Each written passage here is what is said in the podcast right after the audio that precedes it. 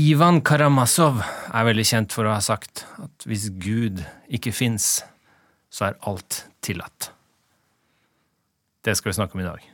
Velkommen til Einar Ruenger Bøhns filosofipod.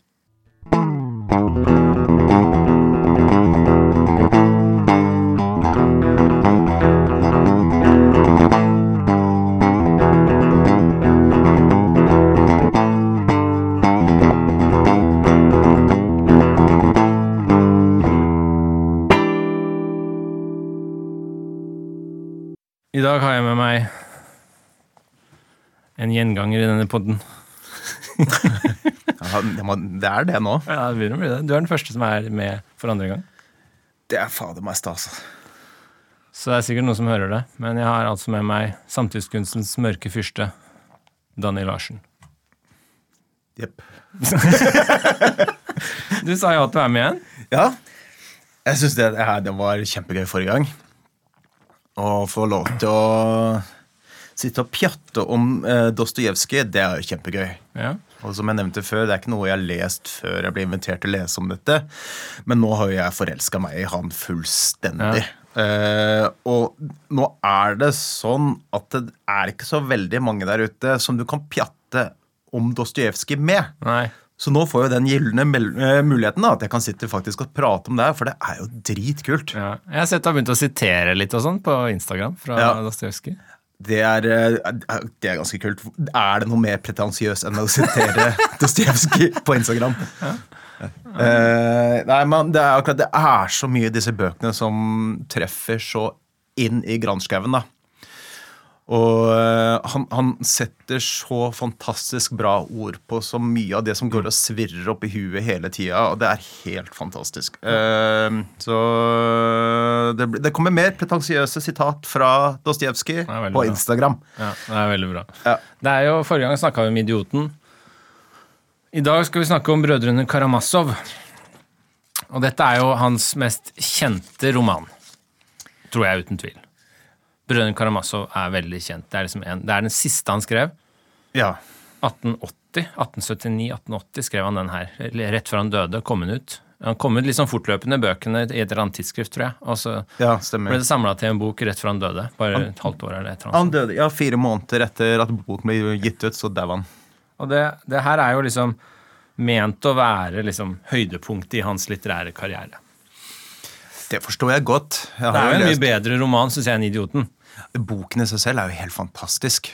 Uh, den, den, altså uh, Fortellingen henger med på greip, og det er liksom bedre Ja. strukturert, syns jeg òg. Den er jo fortsatt ganske kaotisk og rotete. Altså I forhold til, eh, forhold til å lese da, Da Vinci-koden av Dan Brown, så er jo dette her ganske Det er mer komplisert. Og i likhet med, med 'Idioten' så måtte jeg også lese den her flere ganger for, for å være i nærheten og skjønne hva som skjer. Ja.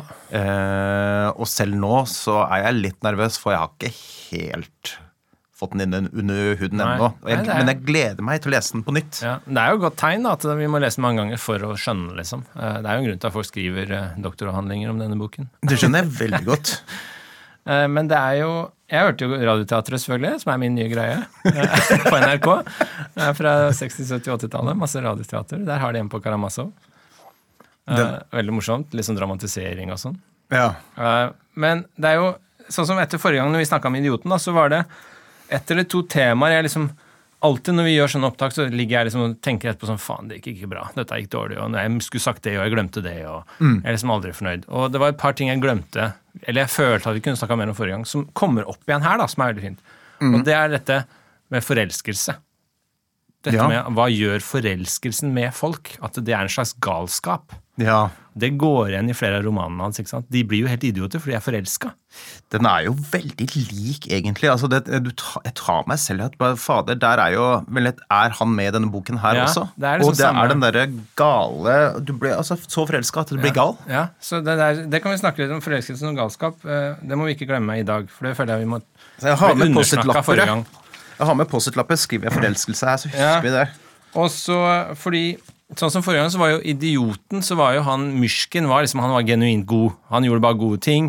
Solid karakter, svikta aldri, var seg selv hele veien. Eller han ble jo gal til slutt, da, men han var seg selv hele veien. Eh, og i denne boka så er det jo er det jo Alosha som er liksom den gode, ikke sant? Eller det er Alosha som er Myrsken, på en måte. Ja, og det er eh, eh, Hva skal du si for noe? Det er en litt sånn mer bevisst Aljosha Nei, Myrsken in the making, føler jeg eh, Aljosha er. Ja. Det, du- jeg synes at det er på en måte Det er liksom sånn Star Wars. Hvordan blir Darth Vader Darth Vader? Ja. Eh, og her Dette er på en måte hvordan, eh, hvordan blir man som en eh, Som en myrsken, da. Eller eh, S- Sosima, da. Ja. Hvordan blir man Asbjørn Brekke, tenkte jeg. Ja. ja. Nei, men, eh, så, men kanskje vi, det er lurt å, å kjapt oppsummere bare sånn plottet i boka. Det er lurt på begynnelsen når vi skal diskutere en bok. Og skal jeg si kjapt hva jeg tenker plottet er, liksom fortellingen, handlingen, og så kan du si om du er enig. Dette er jo da For det er mange som ikke har lest den, tenker jeg da, som også skal ha nytte av det. Så dette er jo da en roman, ganske tjukk roman, type 980 sider. Du har den der budsjettversjonen, du. Jeg er jo Skal vi se hvor mange sider er det Nei, fader. Jo, 970 et eller annet. Ja. Så det, det er sånne tynne ark i denne paperbacken. Det er sånn bibelark. Det er sånn bibelark. Jeg har så mange bilder i mine. vet du. Så Sånn de er mye tjukkere, for det er tjukkere ark. Tjukkere ark, større bokstaver, lettere å lese. Men det er jo da altså en fortelling om disse tre brødrene Karamazov. Så det er en far som heter Fjodor Karamazov, altså samme navn som Fjodor Dostojevskij. Ja. Men Fjodor eh, Karamazov, det er da faren. Og han gifter seg først med ei dame som heter Adelaida. Og der får han en sønn som heter Dimitri. Og så blir de, eller det blir slutt, og hun dør, tror jeg. Og da får han eh, en ny dame som heter Sofia, og eh, to sønner, Ivan og Aleksej. Så dette handler da om de tre brødrene, Dimitri, Ivan og Aleksej. Dimitri er da halvbroren, Ivan og Aleksej er helbrødre. ja. Eh, Dimitri er eldst, Ivan er mellomst, Alexa er yngst. Det kan være litt interessant, som vi skal se etterpå. Og så er det i tillegg en litt sånn løsunge, en tjener i huset som heter Smerdjakov. Smerdjakov, ja. Og han uh, er jo også etter ryktene da en uekte sønn av Fjodor. ja. Men han er tjener i huset, liksom. Han ble tatt inn i varmen som tjener. Ja, det er veldig storsinnet av han faren, og han eh, var vel eh, seksuelt misbruk av en slags eh, funksjonshemmet kvinne. Ja. Det var skikkelig sånn metoo i en, Ah, en hekk ah, i en. Altså, grøftekant, liksom. ja, det var, det var voldtekt, og det var helt jævlig. Stinkelisa, kalte. Stinkelisa heter hun. Ja. Så får han et barn, og så i sted- og istedenfor liksom ta vare på han, så bare ah, Ok, du får lov til å være tjeneren min. Stilig type. Ja. Storsinna. Storsinna. Eh, Så det, Hovedkarakterene er jo da Dimitri, Ivan og Aleksej, egentlig, med Fjodor i en sentral rolle. Og så er det da det som, så er det tre damer som er sentrale figurer. Det er Katerina, som er forlova med Dimitri, opprinnelig her. Og så er det Grusjenka, som er denne pene, forførende unge som Dimitri blir stormforelska i. Men også Fjodor, faren. Ja. Så både far Fjodor og sønn Dimitri er forelska i samme dame. ja. Mens Dimitri er forlova med Katerina. Som Ivan blir forelska i. så Katerina Ivan har litt sånn greie gående, mens hun er for, forlova med Dimitri, som har en greie gående med Grusjenka, som far Fjodor også vil ha. Ja. Så det er veldig sånn intrikate mønstre her. Og så i tillegg så har Leksei da uh, Han er jo da denne yngste sønnen. Han har jo et slags lite forhold til hun Lise. Hun er også litt sånn, hun har vel litt sittet i rullestol en periode, og så har hun begynt å gå igjen, men hun sitter bare på et bakrom og dukker opp av og til og virker ganske ung, spør du meg. Ja, hun, hun er en liten jente. Uh, hun er 14 år, tror jeg. Og er det så eksplisitt sagt? Ja, det er sagt på et tidspunkt der at uh, hun er uh, Aleksej, eller Alyosha, er vel sånn rundt sånn 18-20 eller noe. Og hun er da 14, så de må vente da til lovlig alder før de kan okay. annonsere sin uh... Men det skjer vel aldri? For hun driver plutselig og flørter litt med Ivan også, på et tidspunkt. Ja, fader, det, er- ja, det er sant òg. Ja. Men det er ikke Ivan interessert i. Nei. Nei. Så det, ja, men, så det er liksom hovedkarakterene, og så er det noen sånn bikarakterer, men dette er hovedkarakterene og liksom mønsteret. Og det som skjer, er jo da at øh, mye av det som øh, romanen dreier seg om, er et arveoppgjør. Dimitri skal ha noe penger av sin far Fjodor, Ja. uh, og det får han ikke. Eh, og samtidig som de er forelska i samme dame. Så det oppstår et ganske sånn hatforhold der. ja. Og da truer Dimitri med å ta livet av faren. Ja. Også ute i romanen så blir Fjodor Karamazov drept. ja. og Dmitrij blir da beskyldt for dette drapet. Og så senere så tilstår Smerdjakov at det er han som har gjort det, men det kommer ikke frem i offentligheten. Nei. Så når eh, Dmitrij er anklaget og arrestert for dette drapet, og så kommer det en lang rettssak Den er lang. Der kommer en lang rettssak, og der blir Dmitrij dømt. Han blir dømt uriktig. Og skal sendes til Sibir i straffarbeid. 20 år i Sibir. Cirka 20 år. Så får de. Men da vet vi som lesere og brødrene at det er Smerdjakov som har gjort det. Det er liksom plottet, Ja. var det ikke det? Det syns jeg var ganske greit oppsummert. Eh, Og det skjer ikke så mye mer enn det. Så er det mye sånn intriger frem og tilbake og veldig mange filosofiske diskusjoner. Men du har jo også denne Staretsen. Han er jo en viktig karakter. Denne munk i klosteret. Fordi det er kanskje verdt å si. Altså disse tre brødrene, så er jo Dimitri denne følsomme som har vært i militæret. Han er veldig sånn lever i nuet og er veldig følsom. Også Ivan, han er denne intellektuelle teoretikeren som har studert på universitetet. Eh, Og Alexa er denne troende som har gått til kloster. Den fromme. Ja, slik at det er de tre karakterene. Eh, Og alle, interessant nok, forlater det de har drevet med, egentlig. Altså, eh, Dimitri forlater militæret og kommer hjem. Ivan forlater studiene og kommer hjem. Og Aleksej han forlater jo klosteret når denne eh, åndelige faderen sin dør. Han får jo beskjed av både far og fra sin åndelige leder om å forlate klosteret. Til slutt. Så de drar jo egentlig fra det som på en måte definerer de som karakterer, alle tre. Det alle de Alle karakterene møter gjennom boken en sånn eh, Skal vi si et bunnpunkt, hvor de på en måte eh, tar en 180 graders sving fra hva de egentlig står for. Og hvor du ser da hva er det til slutt som står igjen som på en måte det riktige valget å ta. Ja. Og det som er sånn hovedmoralen jeg får ut av det her, er jo liksom at det, Aleksej, da Aljosha kalles han vel også. Alyosha, det er det, det er det koselige navnet. Det er jo det som er vanskelig med denne boken, her, at det er jo så inn i gamperæva mange navn på Ja. disse karakterene. Forskjellige navn på alle. Ja. Ja. Og så bruker du noen ganger kosenavn, noen ganger hele navnet, noen ganger etternavnet. noen ganger. Og noen ganger sånn derre ja, kapteinen eller bla, bla, bla, bla. bla. Men du blir jo litt vant til det òg. Det sånn, etter hvert så blir det ikke sånn kjempeproblem. Jeg syns denne, denne er lettere enn Idioten. På et, av en eller annen grunn. Men det som er ganske morsomt, er jeg har en russisk venn som heter Dimitri. Ja. Og det er tydeligvis et system. Det er derfor han het også Mitja og Mitsjka. Ja. Og, så det er tydeligvis et system da, for kallenavn i Russland. Artig. Men det som er litt sånn um, slående, da, for meg i hvert fall, det er at det, Alosha, Aleksej Alosha, denne troende yngste sønnen, han er den som på en måte står mest solid i livet. På alt. Mens Ja. Ivan, han tviler, han mener, han tviler, blir forvirra, blir nesten sinnssyk. Dimitri, følsom, lever ut, blir, slår ned folk, og det er liksom full sving. Mens Alosha, sindig, rolig, denne, han står fast i sin tro. Han tviler veldig lite. Det er noen øyeblikk der, det går litt skeis, men han, han er ganske sånn solid karakter, da. Ja, Så den kristne troen er liksom solid fundament.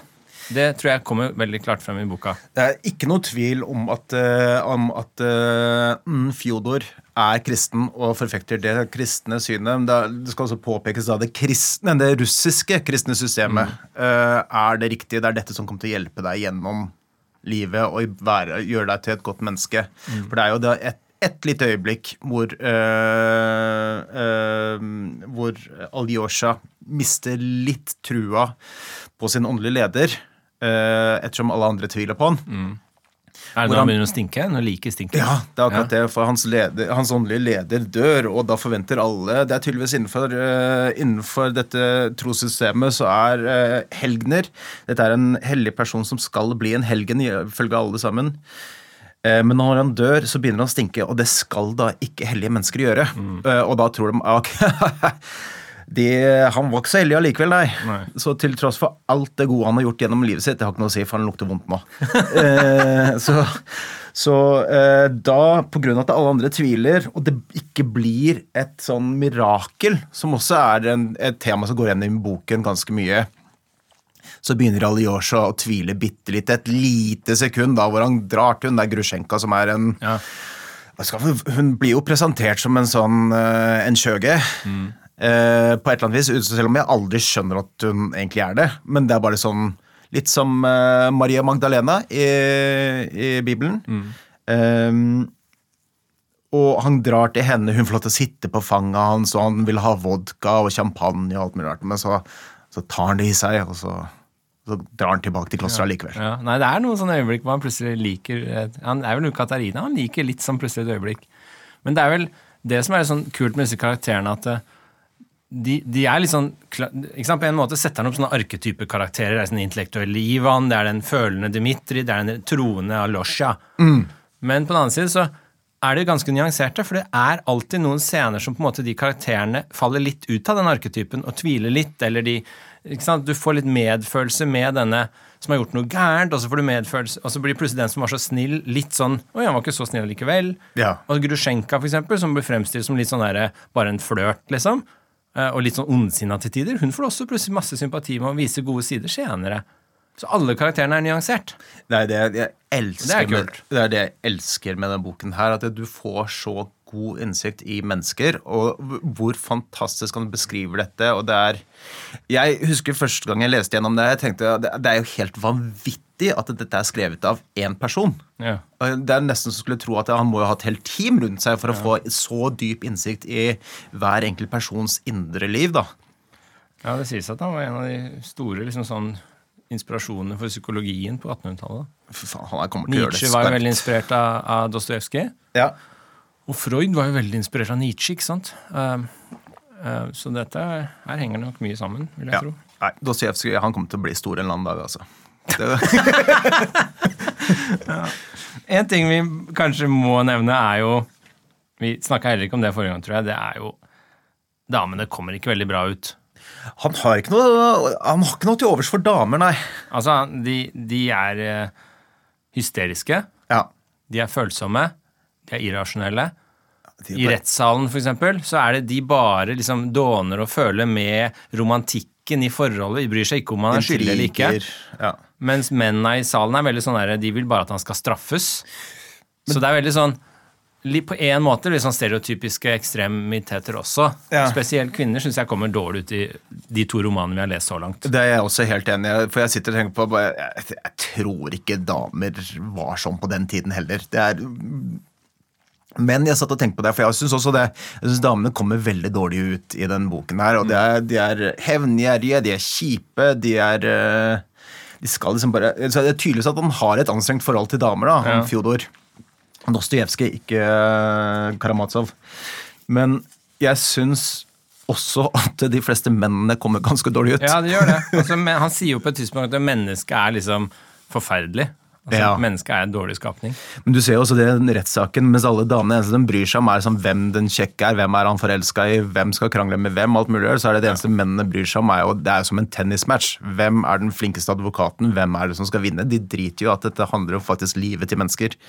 Og de er, eh, som hun eh, gærne 14 år gamle Lisa eh, sier, er at folk elsker jo dette fadermordet. De syns det er dritgøy yeah. og dritspennende. De later som de er forferdet over det, men det er bare tull. Folk elsker at ting er dritt, og Men det, sånn, er, det er det jo noe i. Altså, Vi elsker jo tragedier. Altså, Hvorfor er podkaster om true crime så populært? Det er som er å se på. Jeg har prøvd å finne, jeg prøvde å finne barnefilmer når barna mine var små, som var bare en koselig film. Det er ikke én forbanna Disney-film som ikke starter med et mord eller et eller annet sånt. og Det er, barn, det er barne-TV. Ja. Det, det er tydeligvis, Vi er ute av stand da, til å lage en koselig historie uten at det, Mm. ja, så blir mora til Bambu hun blir skutt, og så blir det sånn Ja, nei, det er, eh, Vi elsker det tydeligvis. Så 14 år gamle klin gærne Lisa hun har forstått oss bedre enn det vi gjør, Ja. kanskje. så Sånn sett kommer hun bra ut, da. Ja da, så jeg har en fin innsikt. Nei, fordi det er flere ting han sier som på en måte ikke er veldig sånn altså vi, vi, Her er det en ting han les, sier om kvinner. da, Dette er Mitya som sier til Alosha. Det er Mot slutten av boka så sier han «Øh, Gud bevare deg, kjære gutten min, du må aldri be en kvinne du elsker om tilgivelse for det gale du gjør. Især en du elsker, selv om du aldri er så skyldig. For kvinner, skjønner du, de er no pokker vet, men jeg kjenner dem iallfall ut og inn. Hvis du først innrømmer noe for en kvinne, og kommer med et 'unnskyld meg, det var min skyld', ikke ta det ille opp, da kommer det straks til å hagle med bebreidelser over deg.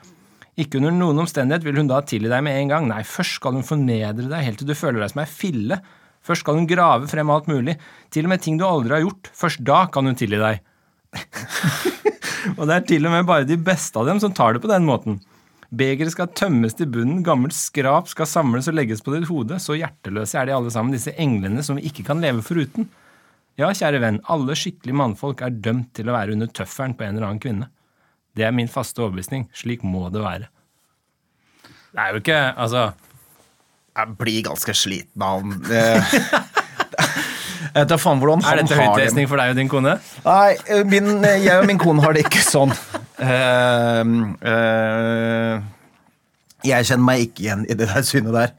Uh, men jeg har, det, jeg har tatt meg selv i det ganske mange ganger. Hvor fader, han eh, har vært slitsom rundt damer, han fyren her, altså. Eller eh, ikke bare damer, da. Det nevnte vi forrige gang òg. Rundt jøder eller sigøynere eller Ja. Det er liksom bare russerne som kommer bra ut her. Mannlige, man, mannlige russere. Ja. Men hele menneskeheten er jo sjuffel, som han sier, eller nedrig. Eller, altså, han har ikke noe tro på egentlig menneskets natur. Men på den annen side så har han liksom disse enkelte englene, sånn som Alosha og Myrskin, idioten, disse som er genuint gode. Ja, og, Sosima. Ja, Sosima. Ja.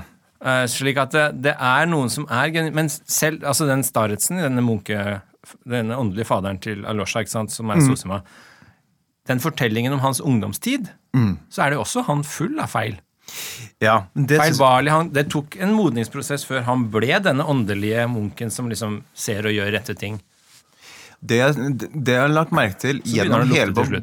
Hæ? Og så begynner han å lukte til slutt. Ja, fy fader, for en møkkafyr.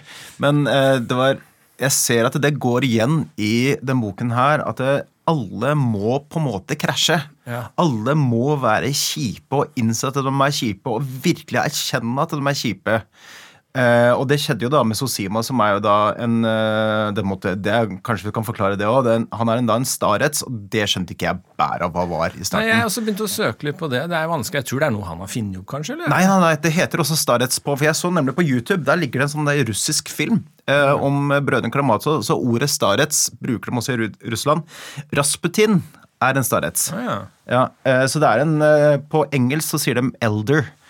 Eh, så det er en sånn ikke helt anerkjent åndelig leder innenfor russisk ortodoks kirke, som jeg forstår det, da. Ja.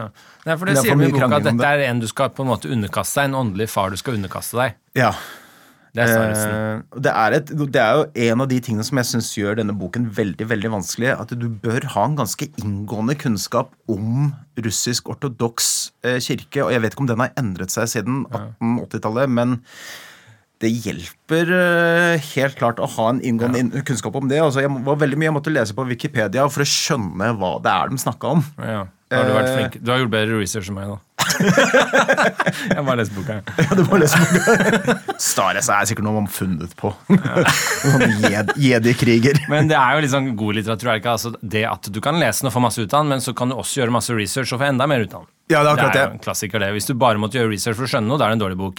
Og hvis du ikke hjelper å gjøre noe research, da er det også kanskje litt overfladisk. ikke sant? Altså, Det er jo bra, det, da. At det er flere nivåer. her. Det er, det er kjempegøy, for det er plutselig bare ah, Så kommer du inn, og så forstår du litt mer. Det er kjempegøy. Eh, det ligger mange lag, og jeg legger merke til altså de gangene, forskjellige gangene jeg leser den, så det er så, det er så Jeg henger meg så for, utrolig opp i forskjellige deler. av. Mm. Boken her forteller meg så vanvittig mye forskjellig. Jeg hørte jo, eller leste et eller annet sted at dette også var eh, Vladimir Putins favorittbok. Ja. Så det vil jo si at eh, vi kan tydeligvis eh, lese forskjellige ting ut av denne boken her, for jeg tror ikke jeg og Vladimir har helt samme forståelse av hva den her skal fortelle oss. Men hvilke, altså det, som det er jo en del karakterer som tegnes opp her. Vi glemte å nevne denne stabskaptein og Ilusha, den sjuke sønnen hans. Den er jo også litt sentral. Hele romanen slutter jo med det, og så er det en fortelling inni der. Den ene sønnen som Det er vel en åpningsscene hvor han, noen kompiser kaster stein på han.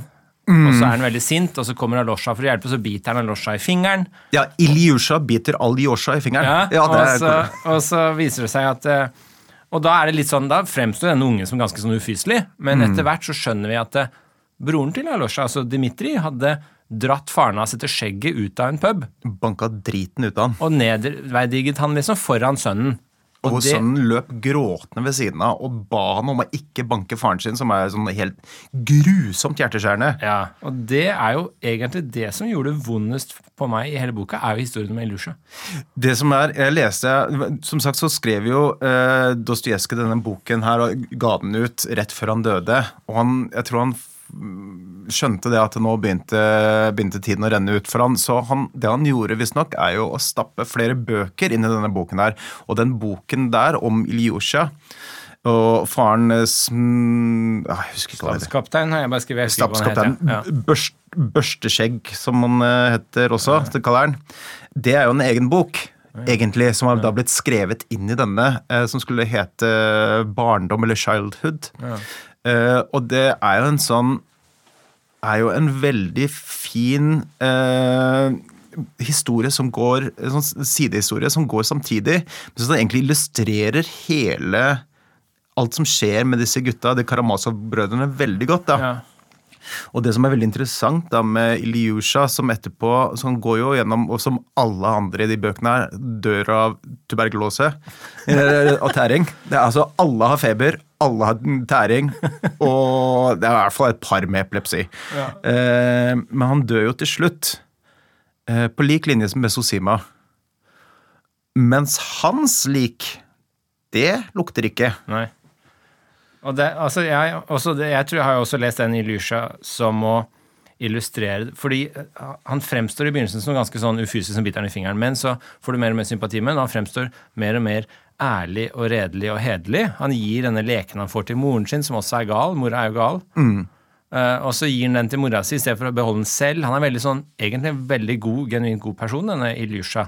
Uh, og du forstår hvorfor han gjorde det han gjorde. Han var sint på Han beit den fordi han visste at broren hans hadde plaga faren hans. Det var en slags hevn. Ja, Men så i tillegg så er det jo det at eh, denne Ilyusha, den illustrerer jo det uskyldige rene ved barn.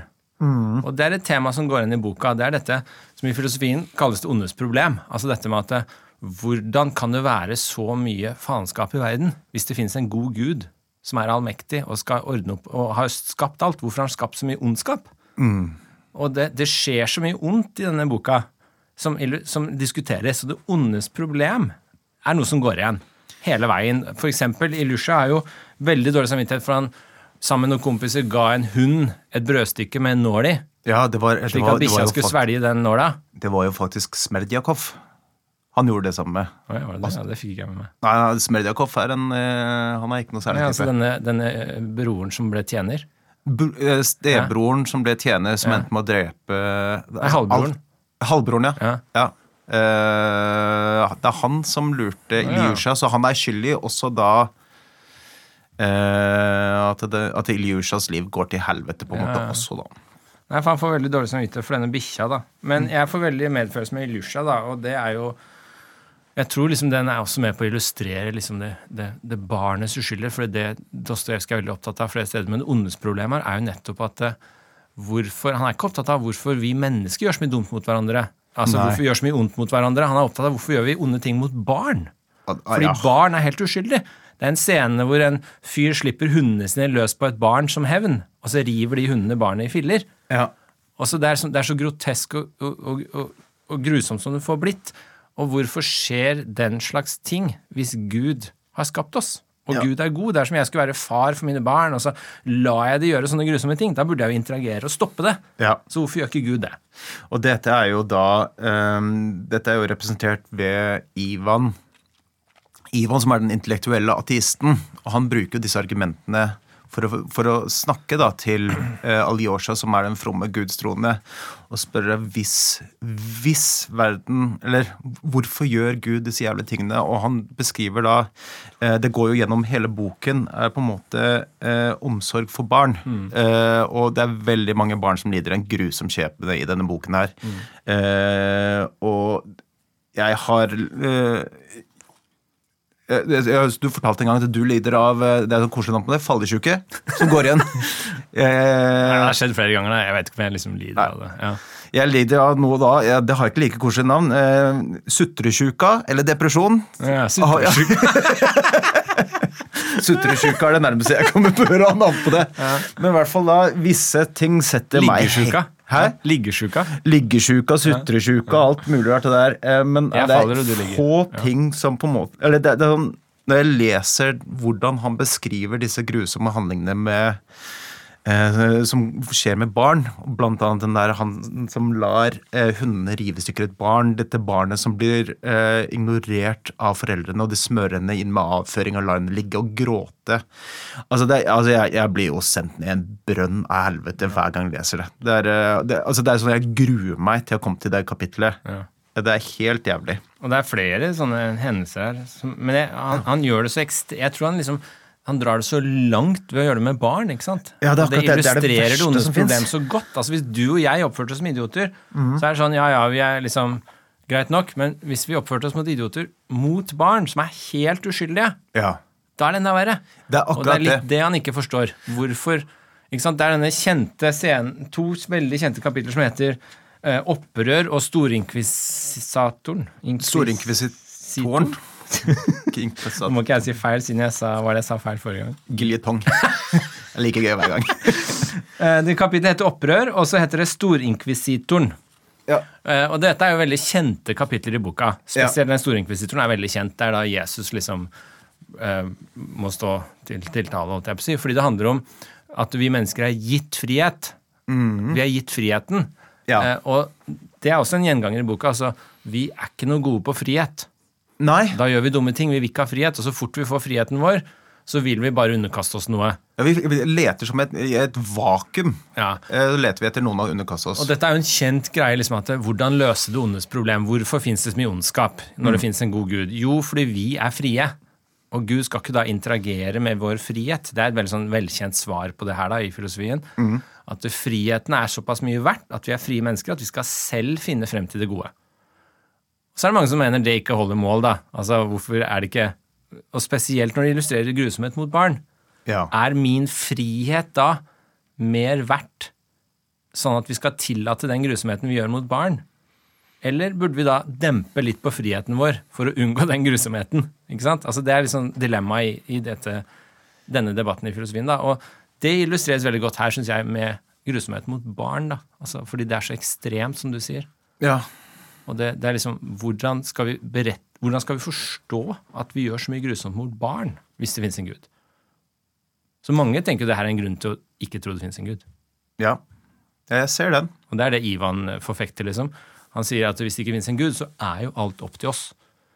Da, Ja. da, da er alt tillatt. Da, hvem andre skal si da 'dette kan du ikke gjøre'? Fordi det er jo bare vi som er her. Det er sant, det. Og da det kan er vi gjøre den... akkurat hva vi vil. Og da kan vi gjøre sånne grusomme ting med barn.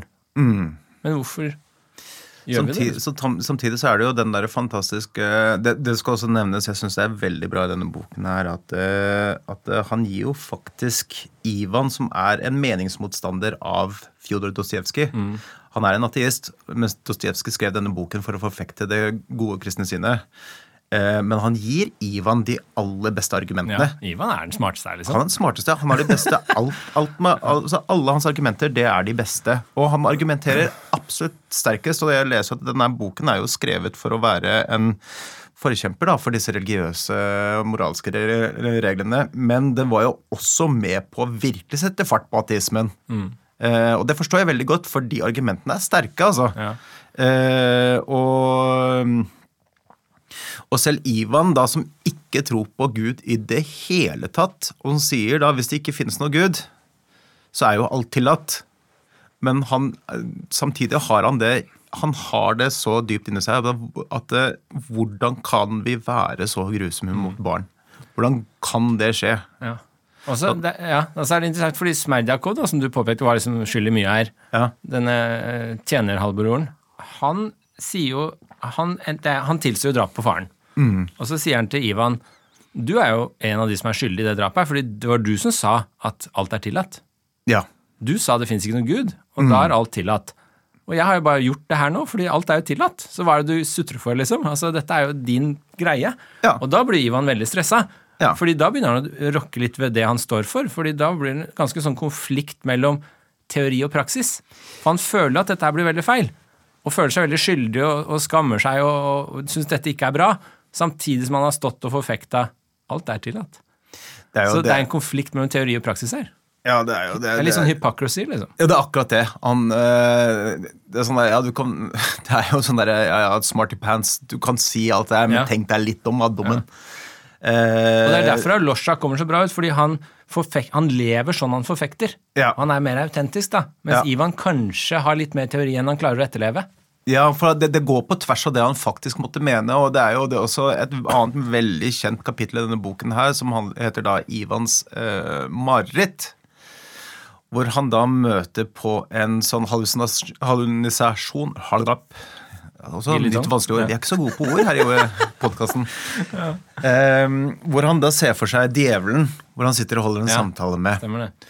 Eh, og han tror jo ikke på djevelen. Han tror jo ikke på Gud, men her sitter han og snakker med sin egen lille djevel, da. Eh, jeg husker ikke hvor jeg skulle med. Jeg er sliten, jeg. Jeg har ikke sovet i natt. Det jeg skulle bare flott med meg at jeg kunne noe om boka. men det er, jo, det, er jo, det er jo også slik at Ivan er jo den som har liksom alle de beste argumentene, som du sier, har alle teoriene og sånn. Men jeg synes det er veldig interessant liksom, om han, han klarer ikke å etterleve det. Nei. Det er liksom det, det kuleste, Noe av det kuleste jeg syns med boka, er at det- er den som klarer å etterleve det. Så Ja. det Dostojevskij egentlig forfekter, da, det er jo som du sa, Ivan har de beste argumentene, Ja. men Aljosja har jo det beste livet. Ja. Så det er forskjell på teori og praksis, og du kan godt si alt det flotte ateistene sier, men hvis du bare tror, så lever du mye sterkere. Det er litt det som forfektes her, tenker jeg, da. ja. At det, at det hjelper ikke å bare prate, liksom. Altså, Ja, nei, og jeg ville da, kan, kan jeg få lov til å lese opp noe, Ja. noe da? Det her er jo da eh, en samtale med Ivan og Lyosha. Eh, hvor da de faktisk er enige, for de er jo stort sett veldig uenige på det her. Men altså, Alyosha er faktisk ganske snill, da, mens Ivan er ganske krass. Ivan tror han vet best hele tiden. Uh, og det her er jo De sitter og diskuterer, og at det vil jeg tro er innenfor der hvor han sitter og forklarer om alt det grusomme vi gjør mot barn. ja. Eh, og rett før Estior-inkvisitoren, eh, talen og sånt. type ting, Hvilken side er det på? På min er det på side 288. Ja. Og så sier han ja, jeg forstår deg så altfor godt, Ivan. Men ønsker å elske med sitt eh, Man ønsker å elske med sitt indre, med sitt hele legeme. For det, eh, det sa du da så vakkert, og det gleder meg at du føler en slik livslyst, utbrøt Alyosha. Framfor alt må menneskene lære å elske livet. Skal vi elske livet mer enn livets mening? Ja, absolutt. Kjærligheten må gå foran logikken, som du sier. Ubetinget foran logikken. Det er først da vi forstår meningen. Og det han på en måte øh, sier da også, er jo at det, det er dette Det å kunne elske sine medmennesker, elske livet øh, og gjøre det som er godt, for det går gjennom i hele boken her. Du kan ha så mange gode ideer og tanker du bare vil, men det å gjøre noe godt og gjøre noe bra for andre mennesker, det er det som er, ender opp med et godt liv. Ja. Og det er det Alyosha klarer faktisk å holde ved, til tross for logikken gjør alt den kan som en sånn fristelse eh, om, å- om, å, om å få han over på the dark side. Eh, så, så holder han på kjærligheten til sine medmennesker, til seg selv, til livet og til Gud og alt mulig rart. Og da lever han et godt liv. Ja, og dette går jo igjen i også Idioten. Det Han sier det i Idioten også, det, den andre boka, at eh, kjærligheten er det viktigste. Du må leve med kjærligheten. Det viktigste er å leve. Det viktigste er å leve med kjærlighet. At det handler liksom om den praktiske utfoldelsen. Ja, da var her vi var uenige forrige gang, for du, jeg- hvor jeg sa men dette her er jo buddhismen, som jeg digger ja. så jævlig bra. Dette her er jo, dette her er jo, handler om å være, være til stede i nuet. Det var jo ikke du uenig, uenig kanskje? buddhismen er bare tull. Men, det. men her på side, altså helt på slutten så er jo dette er tenker jeg, det du påpekte nå, veldig viktig, for det tenker jeg er noe av moralen i boka. Nettopp det at Alosha han lever med kjærlighet, ikke Mm. ut ifra- ut teorier. Og det er så mye mer suksessformel enn å leve ut fra gode teorier. Det er litt Mm. det jeg føler går inn i boka. Og på slutten så står jo da Alosha med disse gutt, smågutta rundt seg i begravelsen til Ilyusha. Mm. Så står jo da han med masse smågutter rundt seg, så står han og holder en liten tale. Ja. Og det er litt sånn derre Jesus på markedet står og taler til folket-greie. Og da sier jo uh, Alosha sånne ting som uh, at det, vi må leve med kjærlighet osv. Så, videre. så sier han la oss først og fremst være gode, og dernest ærlige. Ja. Og Det er litt sånn viktig setning, tenker jeg da. Altså Du skal bare være god og ha kjærlighet først, Ja. og så kan du begynne å prate og være ærlig. Så kanskje en hvit løgn er bra, ikke sant? hvis det, gjør det, hvis det er av kjærlighet, f.eks. Ja. Så ikke gå rundt og liksom snakk så mye, føler jeg er litt som moralen her, men bare lev med den gode troen om at det er noe godt. Veldig sånn håpefull, egentlig. Jeg liker den veldig godt. Det er, det, du slår ikke feil, i hvert fall, å være ok og snill mot folk. Nei, Det, og Men det kan jo gå dårlig sånn som Idioten. Myrsken prøvde, men han ble jo gal. han ja, men Hva hadde alternativet vært? på en måte? At han hadde blitt en kjiping? Hadde det ja, vært bedre? Tilpassa seg samfunnet og blitt litt kynisk. Sånn Ja, som de andre. det- Men altså, det hadde ikke vært bedre. Nei, det hadde Nei. ikke vært bedre. Så jeg tror også Myrsken hadde da Da hadde han tatt livet av seg. Det er jo som de gjør i alle bøkene her. Ja, det er sant. Men det er jo et par uh, temaer her som jeg tenker vi kan ta opp, da. For nå har vi, nå har vi sett litt på plott og karakterene og sånn. Mm. Et par temaer som jeg tenker går igjen, så kan du si om du har tenkt på de samme temaene. Altså, det ene er, som vi sa tidligere, forelskelse. Ja. Da kan At jeg ta folk- med den Post-It-lappen. Folk blir gale av forelskelse. Det andre er penger. Det går igjen at folk blir gale av penger. Ja. Og blir helt idioter når det gjelder penger, og de blir helt idioter når det gjelder forelskelse. Mm. Uh, og så er det dette med skyld og ansvar. Det er også et ganske sånn tema her. altså når Smerdjakov f.eks. innrømmer drapet på faren, så sier han til Ivan du er også medskyldig. Og så går det igjen mange steder at det, jeg tror et eller annet sted så sies det alle er skyldige i alt. Ja. Og alle skyldige, og er skyldige overfor hverandre. Ja. Og det han poengterer med den lange rettssaken, som er en veldig lang del av boka, Mm. det er jo nettopp at forsvareren, anklageren, de står og holder taler og forklarer det fra forskjellige perspektiver. Mm. Og alle lager bare fortellinger som skal støtte deres sak. Ja. Men egentlig så er faktastrukturene kanskje helt annerledes. ja. Slik at det er litt den derre Også påvirkningen, ikke sant. Det at det, det var jo Ivan som påvirka Smerdjakov. Mhm. Så hvem er da egentlig mest skyldig? Smerdjakov utførte det, men Ivan forklarte det. Han sier jo, han, eh, Smerdjakov sier jo at det var ikke jeg som drepte faren din. Selv om det var jo han som drepte faren hans. Ja. Han sa, men det er du som drepte Ja. faren din, men jeg var bare et verktøy. Ja. Så hvem er egentlig mest skyldig? Det er som du leier en hitman for å ta livet av noen. Ja, riktig. Er det hitman eller du som har mest skyld? Det, er sånn, det problematiseres veldig i boka. Og det er også en sånn interessant skille. jeg tenker Det er forskjellen mellom for eksempel skyld og ansvar. Ganske sånn stor forskjell. Altså, du kan være ansvarlig for noe uten å ha skyld i det.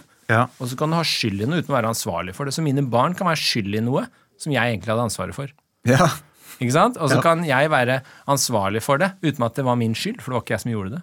Mm. Og det ser vi jo i norsk offentlighet òg, f.eks. Altså, vi ser ledere som på en måte I Nav-skandalen, da, så var det sånn, eh, og i mange andre sånne, i Norsk Fotballforbund og mange andre steder, så, det liksom, så, så skjer det noe som er dårlig. Mm. Og så sier de ja, nei, jeg skal stå opp og ta ansvar for deg, sier lederne. Legge meg flat. Og de, de føler at det var ikke deres skyld. Nei. Men det de ikke har skjønt, er at det er deres ansvar. så noen som jobber i bedriften, kan jo gjøre noe dumt, men det er sjefens ansvar. Ja, er selv om den som det. jobba der, hadde skylda. Sånne ting problematiseres ganske godt i en bok her, syns jeg. da. Og det, er- det, det som jeg syns er ganske gøy, her også det går gjennom to steder her. Så går det også igjen at han sier at det er noen som faktisk innser at de er skyld, er skyldige. Men de er skyldige på vegne av alle. Ja. Litt sånn som Jesus uh, sier, da.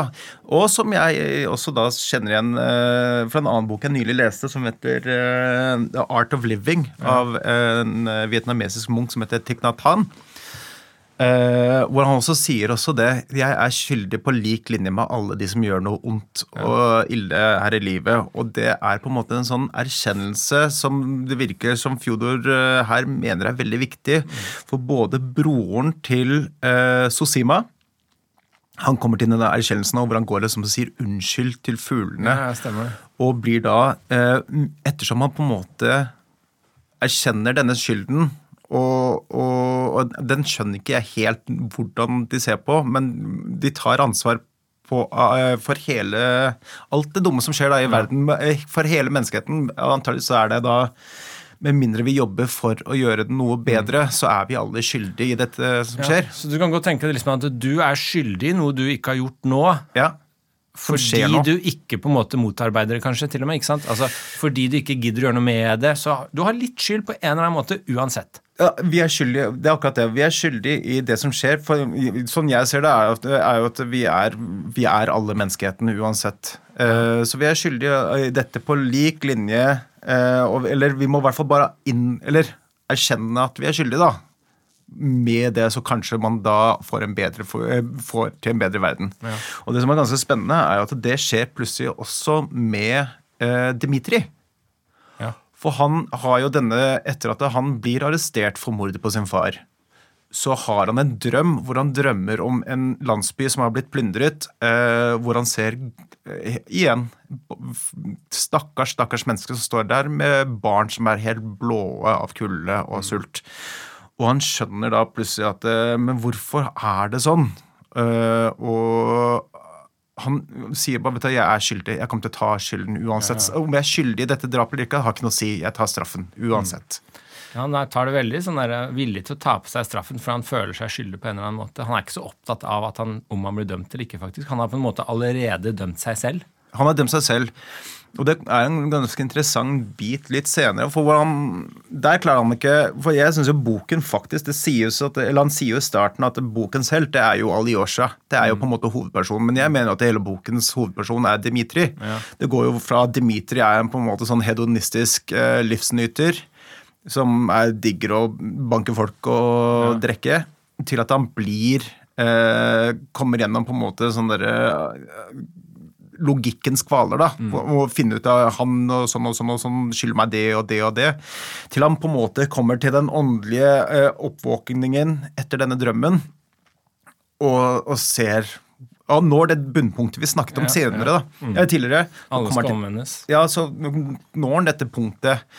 Eh, men han klarer ikke å gjennomføre det, for han er ikke like da ren som det Alyosha er. Men det Alyosha sier til han da, er men det går greit. Eh, så lenge du husker på at du ønsket å eh, bli gjenfødt som en ny mann som tok på deg ansvaret for menneskeheten og de onde, det er nok. Det er nok til at du da skal eh, bli et bedre menneske. Det er Eh, nesten så Dmitrij ser for seg de kullgruvene han skal jobbe i i 20 år i Sibir. Ja. Så, han, så ser han for seg at han skal bli lykkelig og gjenfødt i kullgruvene, liksom. Ja, for han kan synge hva for noe, eh, salmer til Gud der Ja. nede og være en sånn lykkelig Så, kristen. så det, er, det er en sånn forfekting også at det ytre rundt skal egentlig ikke ha noe å si for din omvendelse inni deg. Ja. Det er litt det som går igjen også. Altså når Dimitri på slutten begynner å liksom se for seg hvordan det skal gå bra i de kullgruvene. Han frykter det nesten ikke. Han ser nesten fram til det på en måte, Ja, sånn mentalt. Så det er jo også litt sånn interessant at eh, de er ikke så Omvendelsen hans er egentlig bare å glemme alt rundt og gå inn i seg selv.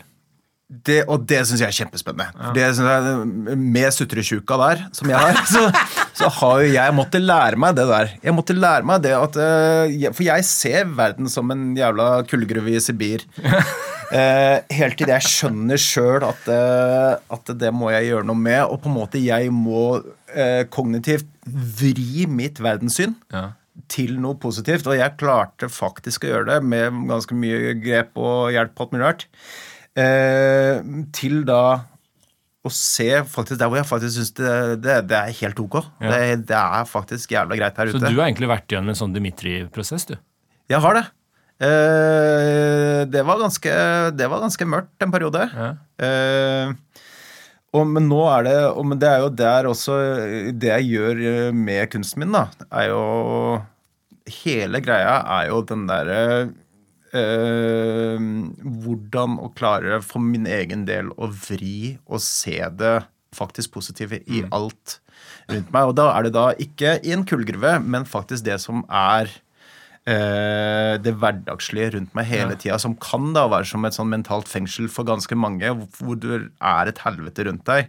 Men legg merke til de små, fantastiske øyeblikkene. Se på et strå. Det er ganske Så fantastisk. det gir jo mening hvorfor du tegner da, eller maler et tre, og så maler du vakkert med lys og skygge og sånn, så er det egentlig du ser Det- det treet, og hvor vakkert det er, og så Ja, det er bare en, klarer du det- ikke å gå det forbi jo- det uten å se det vakre i det. Ja, det, er- men det er ikke det at det er, det er ikke noe at det er vakkert i seg selv, men det at jeg velger å se det vakre i det. og det er derfor, Så jeg anser jo dette her eh, ikke som landskapsmaleri i det hele tatt.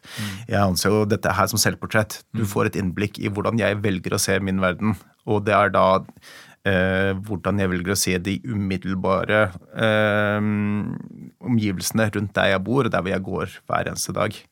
Så jeg forstår veldig godt Dimitri der, i den der situasjonen der. og det, Så det, er derfor, det gir jo mening hvorfor du ser også Dimitri som hovedperson. det er akkurat det, og det er det som er så sjukt kult i den boken her, at jeg tror alle vil se Det er derfor jeg også er ganske sikker på at Putin og jeg sier denne boken er litt forskjellig. For jeg syns ikke at etter å lese denne boken her, hadde ikke jeg prøvd å invadere Ukraina.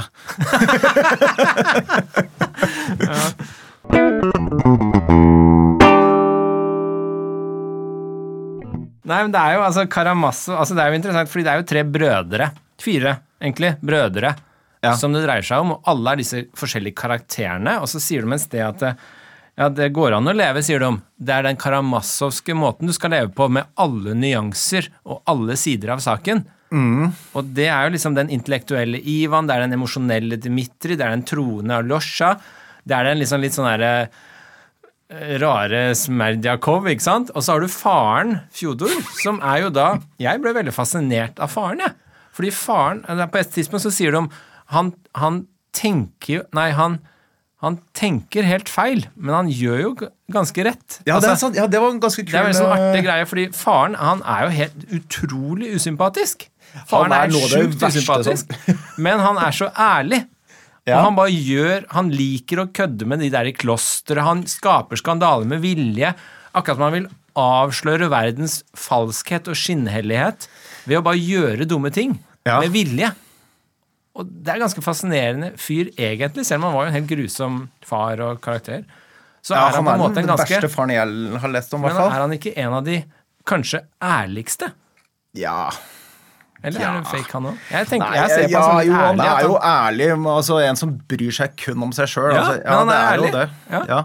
han bryr seg ikke, og da gjør han ikke noe ut av det heller. Nei, men han, Han tro endrer, han. Han endrer jo også Han sier jo også det at hvis folk tror at det, Eller han tror at det andre tror han er dritt, så da skal han faen meg vise dem hvor Ja. dritt han kan være. Ja. Eh, så jeg syns jo det er på, Samtidig så er det Ja, greit du er ærlig, men da er det jo Da syns jeg alle er ærlige, for du oppfører deg ut ifra den måten du ønsker å bli oppfattet på. Og det syns ikke jeg nødvendigvis er så ærlig, da. Det er på en måte Du kan si Du kan rett og slett sette deg tilbake og si Eh, men dette her er mine overbevisninger, og dette her er eh, hva jeg mener, og dette mener jeg er godt. Eh, på tross av hva andre måtte mene om det, er jeg ikke så, nede, eh, så interessert i egentlig, da. Men den er vanskelig å skille, tror jeg. Jeg tror det er veldig vanskelig å skille på en måte eh, Hva heter det i- innenfor filosofien, hvor du på en måte de, de forskjellige nivåene av hvordan du ser deg selv, med id og Ja. det. Ja, altså, det er jo jeg tror du, Igjen kan vi se tilbake til den setningen hvor han sier til slutt Alosha sier Vær først og fremst god, og så ærlig. Og så kan vi tenke på Fjodor. Ok, Ja. Han er ærlig, men han er ikke god. Nei, det, er Ikke sant? Så, Ja, han- det er så motsatt, det, det kan godt være at du skjuler deg litt bak din ærlighet. Det er også lett. Mm. Altså, det er sånn, jeg sier det bare som det er, jeg. Og så er du en drittsekk. Og så er det sånn, ok, du er ærlig, men du er egentlig på en annen måte ikke ærlig, for du, du setter ikke det du egentlig burde først. Nei. Så du er ærlig på én måte, men du er ærlig på en litt sånn overfladisk måte. Ja. Mens hvis du var genuint ærlig, kanskje Fjodor Dostojevskij ville sagt da er du først og fremst god, og så tilpasser du ærligheten din litt etter det. Ja. Ikke omvendt.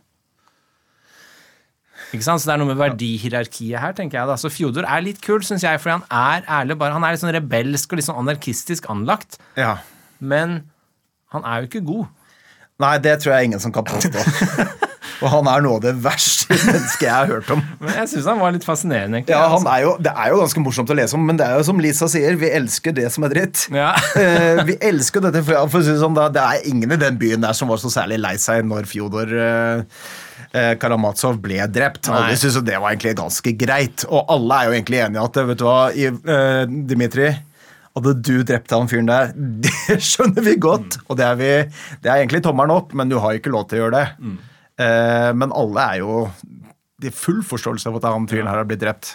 Og så er det litt interessant at det var, det var jo bøndene som holder stand, heter det siste kapittelet. Altså bøndene som dømte han til slutt.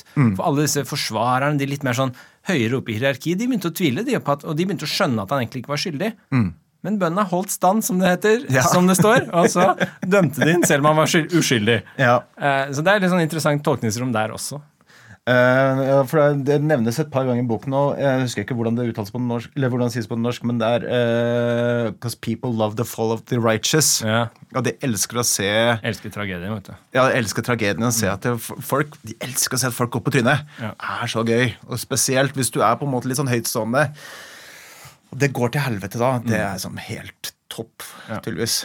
Og det, det Nietzsche er veldig opptatt av det òg, at vi mennesker elsker grusomheten. Altså Det har jo oppstått så mye kreativt og menneskelig ut av grusomhet. Samtidig Ja. som vi elsker å se på det og dyrke det. Vi ser på serier. For at en serie skal bli bra, eller en bok skal bli bra, så Eller må jo noen dø. Noen må dø på litt grusom måte.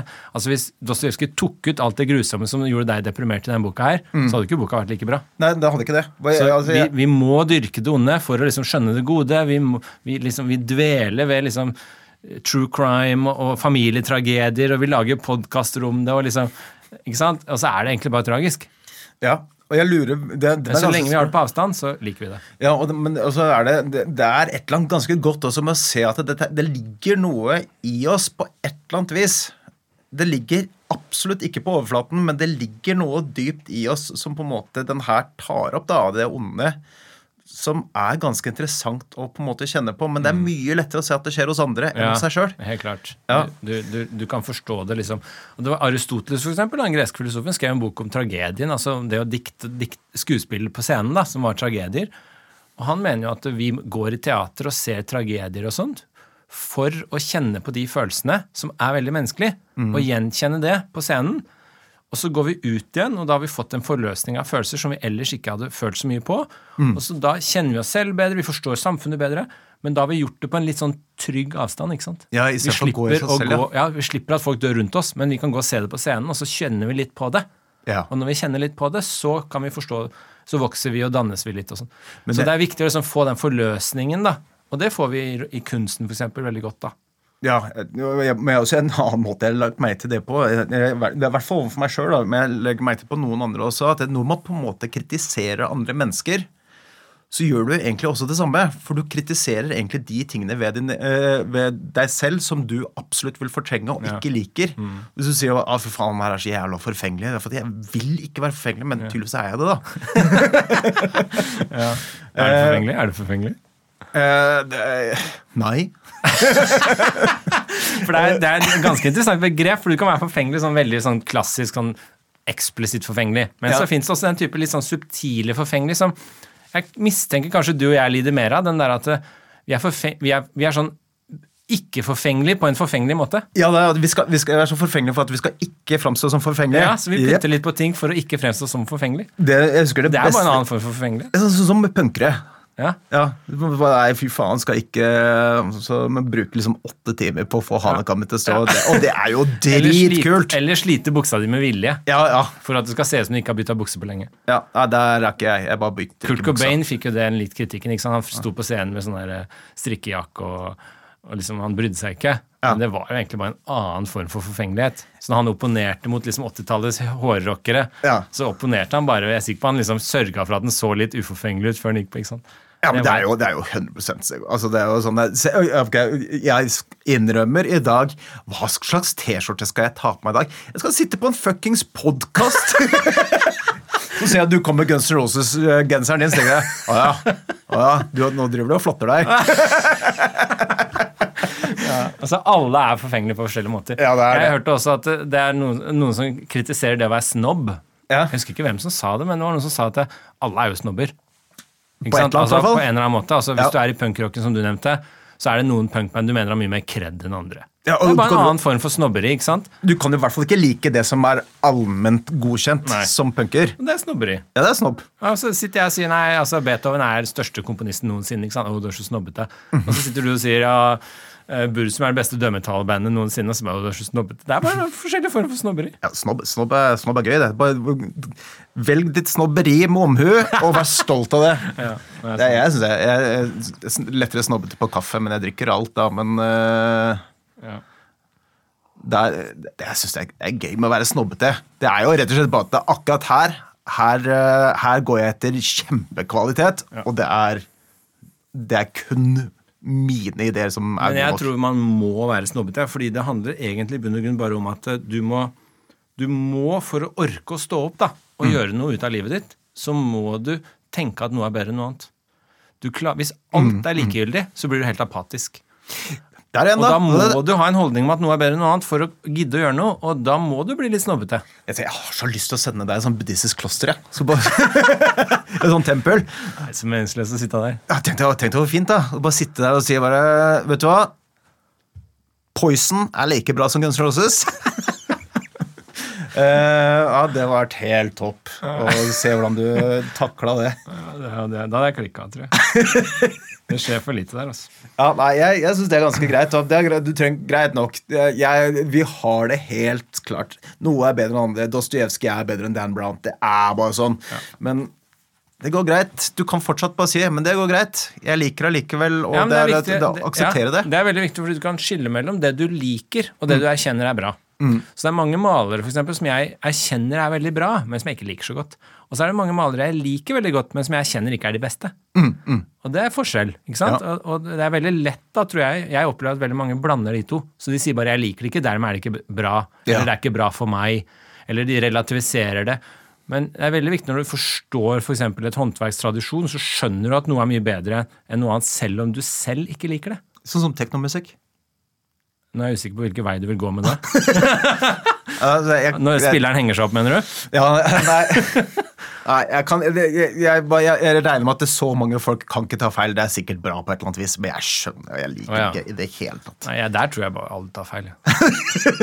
Det er også det jeg er Det har ganske jo sikker skjedd, det at mange tar feil. Ja, Majoriteten tar feil. Det skjer ofte, ja, det gjør det.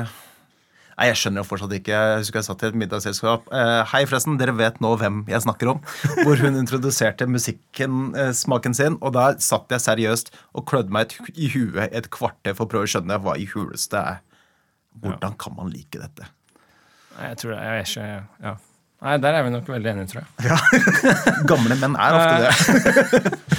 Men et par eh, temaer Vi må ta et par eh, ting til. Altså, Vi må snakke litt mer om forelskelsen, fordi den er veldig viktig. Begge disse bøkene har lest så langt, og vi har ennå ikke kommet ordentlig inn på den. Altså, Forelskelse som en type galskap. Det er jo det som foregår i disse bøkene. Altså Roten til mye av det dumme de gjør, er jo at de er forelska i disse vakre, unge damene. Ikke sant? Så Fjodor Dmitrij er forelska i Grusjenka.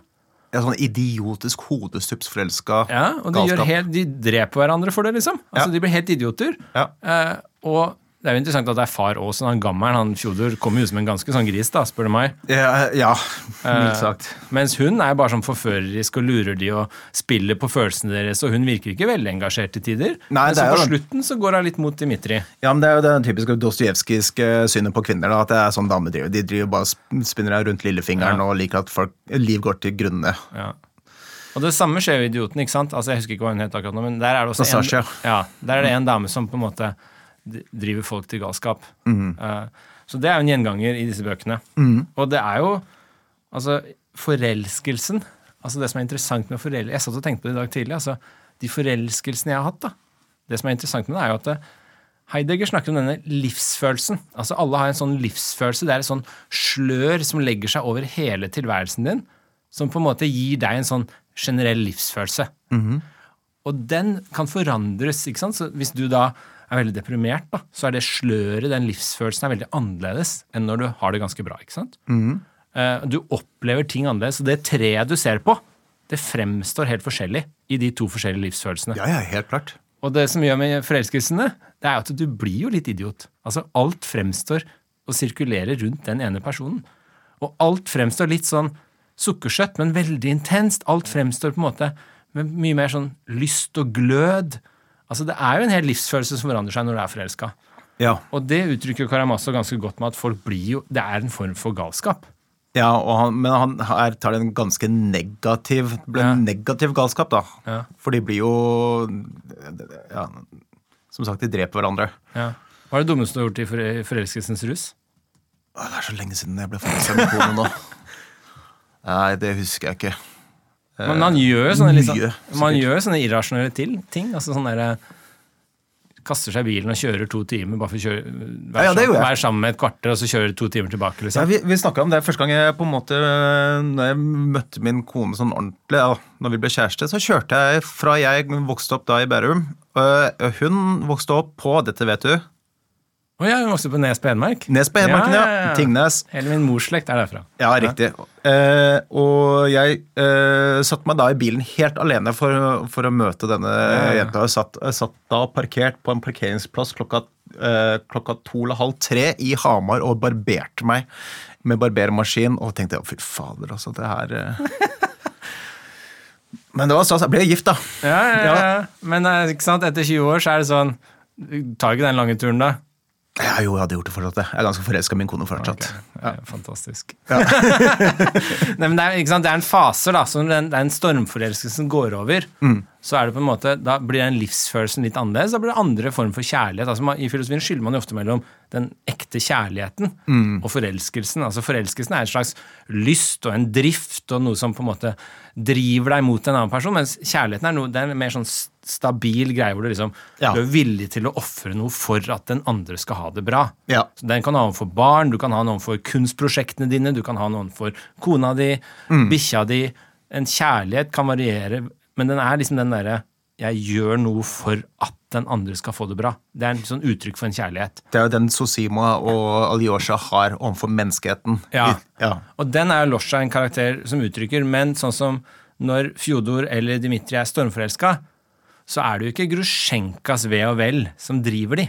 Nei. Det som driver de, er bare denne galskapen av en lyst og en drift. Ja, så, så, Så de har jo ikke noen ekte kjærlighet der nødvendigvis. Det er Nei, det nei, det, er som, en- det er som en heroinist som skal få det neste skuddet. da. Ja. Så det er ikke Grusjenkas beste de tenker på.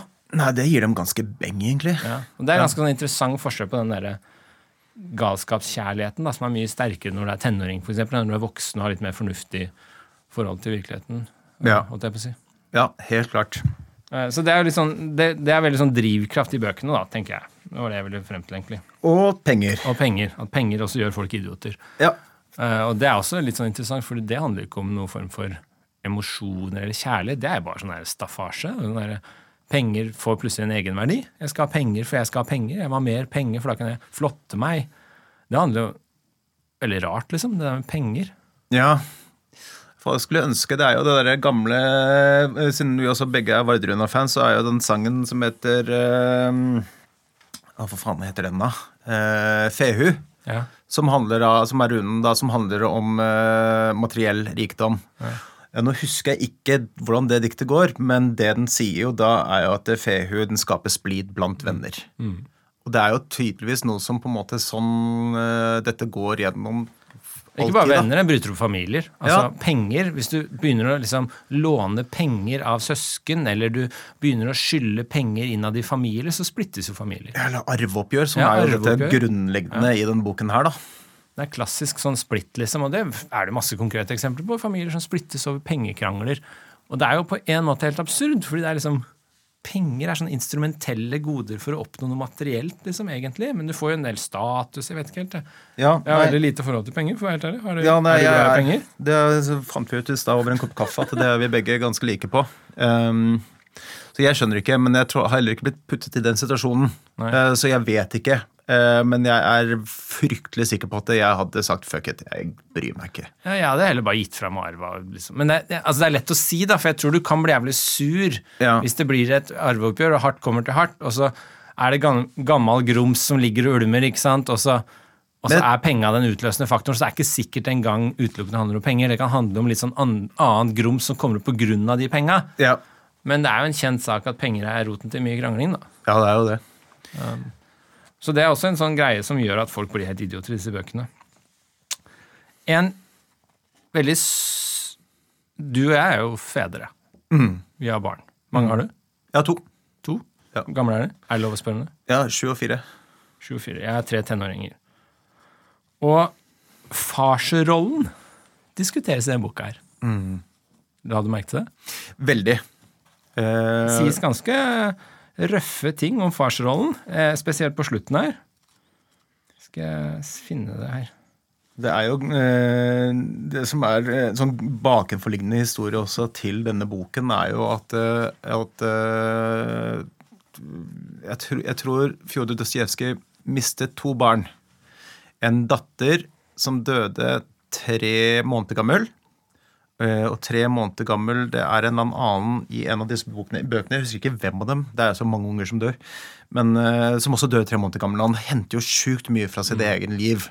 Eh, men han hadde jo Og så sprer han det litt utover. Epilepsien fra eget liv, disse dødsfallene fra barna eget liv, dødsdommer og vente på det eget liv. Ja. Så sprer han det på karakterene. Ja. Så det sies jo at de brødrene Karamazov er liksom forskjellige sider av Dostojevskij. Helt klart. Og det som er sjukt, det la jeg, dette la jeg merke til i går.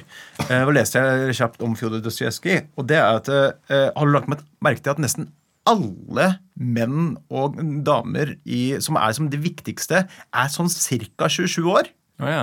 28, altså 27 Club. Ja. Men det var da eh, Det var jo da eh, Eller var så gammel Dostojevskij var når han ble dødsdømt Ja, ja. også. Ja. Så det er ganske kult, da. Slutten av Men, 20-åra. Men eh, i hvert fall så eh, Før denne boken ble skrevet, så døde også hans sønn, eh, som da også heter Aleksej, eller Alyosha. Ja. Han døde tre år gammel av epilepsi. Ah, jeg elsker at du har gjort sånn research før det her. Det er jo helt Det burde jeg ha gjort. Er, ja. Så, så dette går jo igjen, da. Så det er på en måte den historien om eh, kapteinen og Ilyusha Det er jo veldig, veldig om eh, det, det er på en måte det, Her får jo da Dostojevskij skrevet ut om den sorgen som det kan være å miste sitt barn. Og, og det, jeg, jeg, jeg får tårer i øynene hver gang jeg kommer til den delen, og på en måte høre hvordan det forholdet er mellom den surrebukken av en alkoholiker som, som er en far, da, og denne uskyldige, nydelige gutten som på en måte Han står opp for faren, han gjør alt som er godt. Han er lei seg for at han, på, han tror han har gjort noe vondt overfor en hund.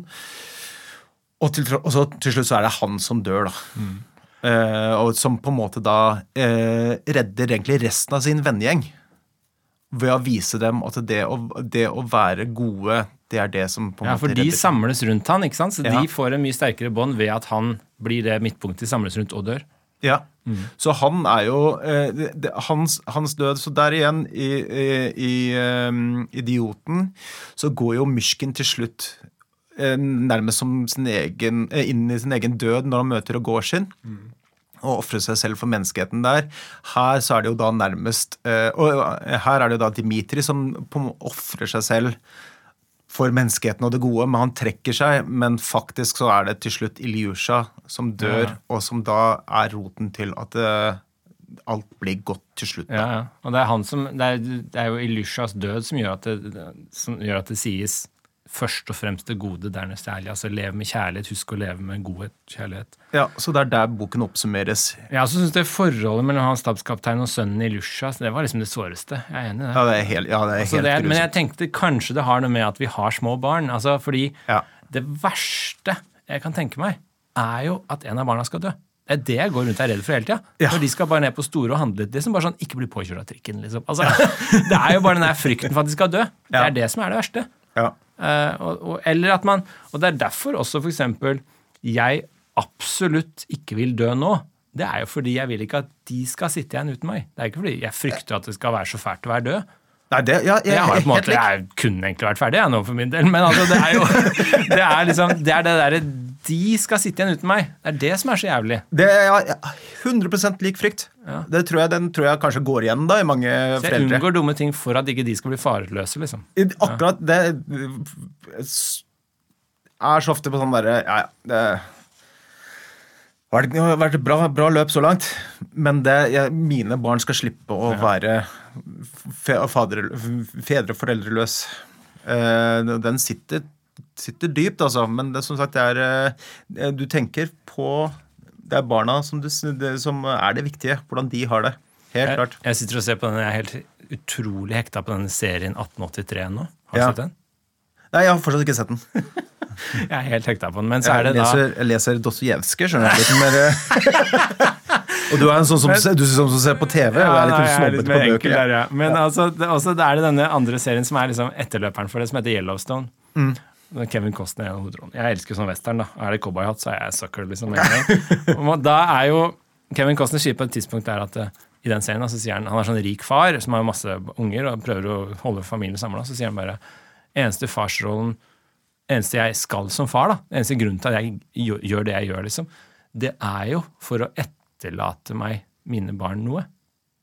Så det eneste han gjør, er på en måte å sikre fremtiden for dem. Det er det eneste han driver med. Det er derfor han gjør det han gjør. Ellers hadde han ikke giddet. Og det mener jeg er liksom farsrollens hjerne på et tidspunkt. Foreldrerollens hjerne, vel, for han snakker med svigerdattera si. Så sier han bare foreldrerollen er jo å sikre barnas fremtid. Det er Ja. det han gjør. Og det, det på en måte, det er en litt sånn grunnleggende drift når du får barn. Du liksom, jeg ville følt det som veldig sånn skamfullt hvis jeg ikke klarte å sikre noe for dem. Eller hvis jeg ikke fikk til noen ting for dem. Eller hvis jeg skjemmes overfor dem. Det ville jeg synes vært mye verre enn om jeg skjemmes overfor deg. Så hvis jeg dreit meg ut og følte meg skamfull overfor deg, så kunne jeg levd med det. Men hvis jeg hadde gjort det overfor barn, så sitter det så mye lenger, fordi de skal tross alt huske meg for resten av livet. Ja. Det er så jævlig at du ikke vil liksom gjøre noe skamfullt overfor dem. Du vil fremstå som et godt ideal overfor dem, tenker jeg. Det er liksom en veldig sånn drivkraft, da. Jeg husker Jan Eggum var litt morsom på det, for han, han var jo turnerte mye. Og så ble han spurt ja, er du mye sammen med barna dine. og så sa han nei, jeg liker at jeg har noe å se opp til. Den er Og det, og det handler ikke om at du skal ligge på gulvet og bygge legomenn i døgnet rundt, for det fikser ikke jeg. Det er helt meningsløst. Altså, det- det handler om at du skal på en måte du skal, du skal på en måte sikre noe for dem som gjør at de har noe å se opp til, tenker jeg da. Ja, for det, jeg- det satt jeg tenkte på eh, når jeg kjørte inn hit i dag tidlig. Forresten, veldig morsomt å være i rushtrafikk igjen. Det har ikke jeg vært på to år. Ja. ja. Eh, men i hvert fall så, så tenkte jeg det på en måte, for du har jo Sosima som dør. Eh, og du har jo Ilyusha som dør. Og da på en måte eh, De snakker veldig mye om det at de snakker om evigheten. Og hvis du ikke tror på evigheten, og da Ja. forstår jeg det som at da livet etter døden er det Ja. forstår det som. Og det som er interessant med det, er jo at eh, til tross for deres fysiske tilværelse er over, så lever de jo videre via deres tanker og eh, eh, og deres ideer og deres væremåte lever videre. Ilyusha lever videre. Eh, Sosima lever videre. Så Sosima lever jo videre i Alyosha, og du, helt på slutten så skjønner du også at det er han eh, og han lederen av den guttegjengen Hva heter han igjen? Husker jeg ikke helt. Kolja, er det ikke? Kolja, ja. Ja. Kolja begynner å bli en sånn liten, sånn ny Alyosha Ja, mot slutten. Ja, han så han fortsetter. Så de, disse gode tankene de lever videre. Og jeg vil jo påstå at det er jo Sosima, ikke den derre fyren som begynte å stinke. Ja. Eh, og sånn ser jeg på en måte også min, min rolle overfor mine barn ja. og min omverden. da, At eh, jeg kommer til å daue. Men jeg kommer til å leve videre uansett. Det er da de tankene og ideene jeg har gitt fra meg, som jeg på en måte forteller mine barn og de, mine venner. og Det blir jo det også noe gjennom mine malerier, og, dine, og du har jo med dine bøker og alt du sier. Eh, så du vil fortsette å leve, og du eh, eh, For å sitere Håvamål igjen Ein god ordstir dør aldreg. Mm. Uh, dette er jo tema i Håvamo. Vi har jo en annen episode her i denne serien her på Håvamo, Ole Martin Moen og jeg, og der er det jo det går igjen. Altså, du skal etterlate deg et, et ry, for det varer evig. Ja, men, og det gjør du, du, det gjør du uansett. Eh, og da er det på en måte Mm. Noen gjør det mer enn andre, da. Ja. noen gjør det mer enn andre, men for noen så vil du alltid bli husket. Ja. Uh, jeg tror det er ganske få barn som sier 'pappa', nei Hvem er det igjen? Ja, hvis de, ja. Altså, hvis de har møtt den og husker den, liksom. Ja. Ja, men selv hvis du ikke har møtt han da, så vil du, det vil være et minne du alltid husker som han du aldri møtte. Ja, ja. Eh, så jeg tror eh, Så det kommer til å det, Men er det en drivkraft for deg at du skal etterlate deg noe, f.eks. i kunsten din? En ting er med barna, men i kunsten din er det liksom også en drivkraft? At du skal, når du er der, så skal kunstverkene dine leve videre? Nei, eh, ikke i det hele tatt, men det jeg vet at det kommer til å være noe som etterlever meg, så jeg vil at det skal være noe jeg står inne for. Ja. Sånn, så jeg vet, jeg vet at det kommer til å skje uansett. Så det, jeg, det som kommer til å være etter meg, ønsker jeg at det skal være noe som er godt, som jeg kan stå for. Ja, ja. Virkelig, Som er noe jeg ønsker at det skal leve videre. da. For jeg vet det er noe som kommer til å leve videre etter meg uansett, selv om det er ubetydelig eller betydelig. Nei, jeg syns det er en drivkraft. Altså, jeg, skal, vil, jeg vil ikke dø uten å ha etterlatt meg noe. Og det gjelder veldig mye. Altså, det gjelder sånn, jeg, jeg må, for, for meg er f.eks. det å ha barn det er nødvendig, føler jeg, for mitt liv. Men det er ikke tilstrekkelig. Jeg kan ikke bare lage masse barn og så jeg holder med det. liksom. Nei. Det er en nødvendig del, men jeg må også skape noe annet. Jeg må skape liksom holdninger og memer hos barna mine, men jeg må også liksom skape noen bøker, jeg må liksom lage noen podkaster, jeg har lyst til å lage noen kunstverk, jeg har lyst til å liksom etterlate meg ting som folk kan som, som er bra, da. Ikke det, at, det er ikke for å bli kjent og berømt, fordi det bryr jeg meg egentlig ikke noe om. Er godt, jeg vil heller etterlate meg store ting og aldri bli huska som person, men at de forholder seg til tinga.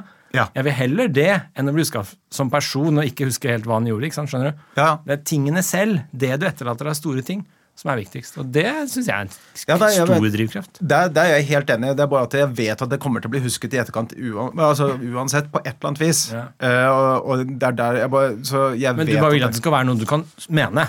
Virkelig mener Ja. noe jeg virkelig står innenfor. Og jeg vet, for jeg, jeg, det, det kom sånn åpenbaring en gang. Fy faen så mye vi sutrer, egentlig. Altså, det er alt fokuserer på, på hva problemet er. Mm. Men jeg har jo faktisk kommet til en sånn liten erkjennelse overfor meg sjøl hva som gjør faktisk ting bedre overfor meg sjøl.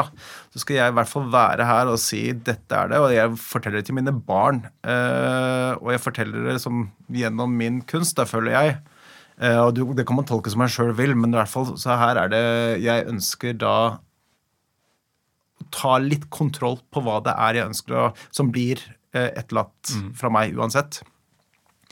Eh, og det Der tror jeg Der er det jo da Dostoje- Dostojevskij er ganske nøye på vær god. Ja.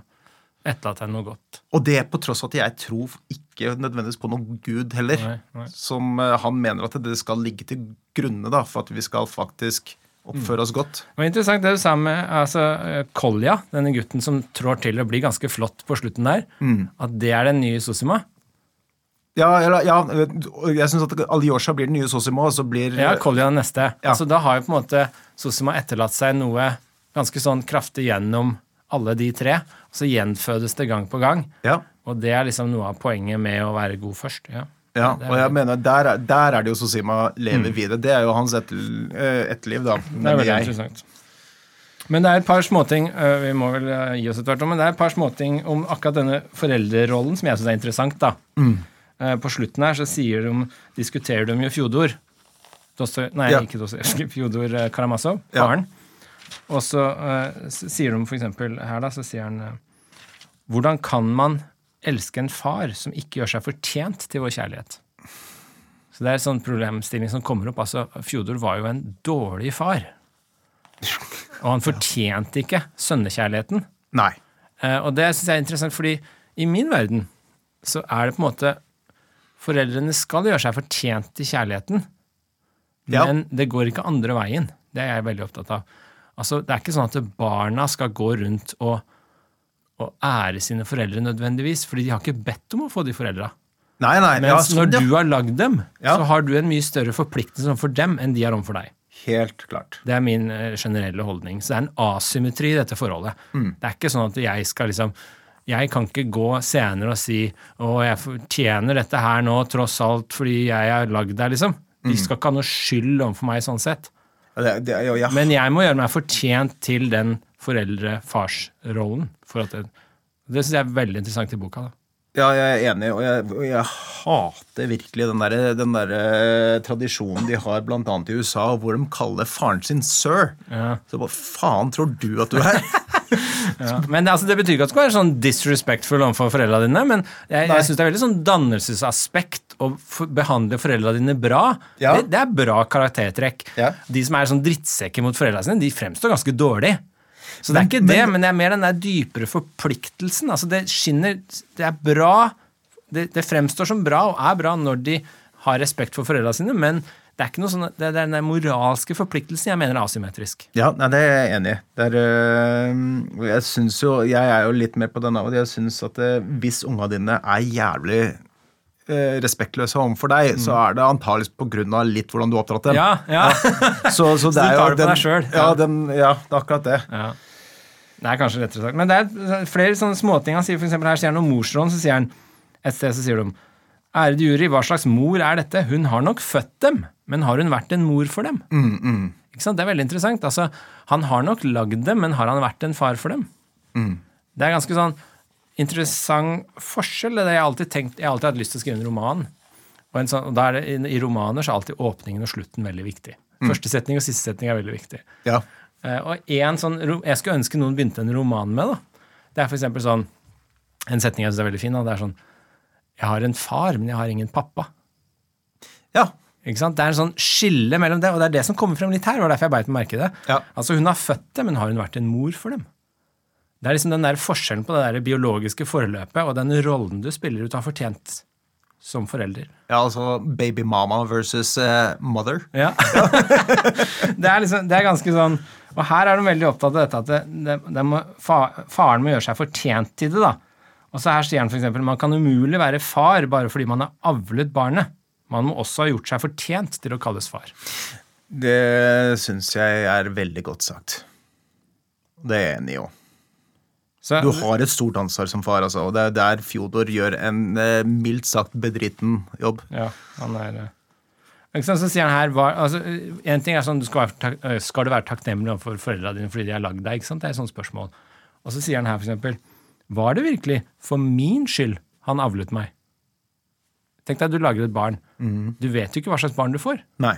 Så det er jo ikke for det barnets skyld du lager deg et barn. Nei. Du lager et barn fordi du skal ha et barn, du. Ja, du tenker fy faen, den verden trenger flere av meg.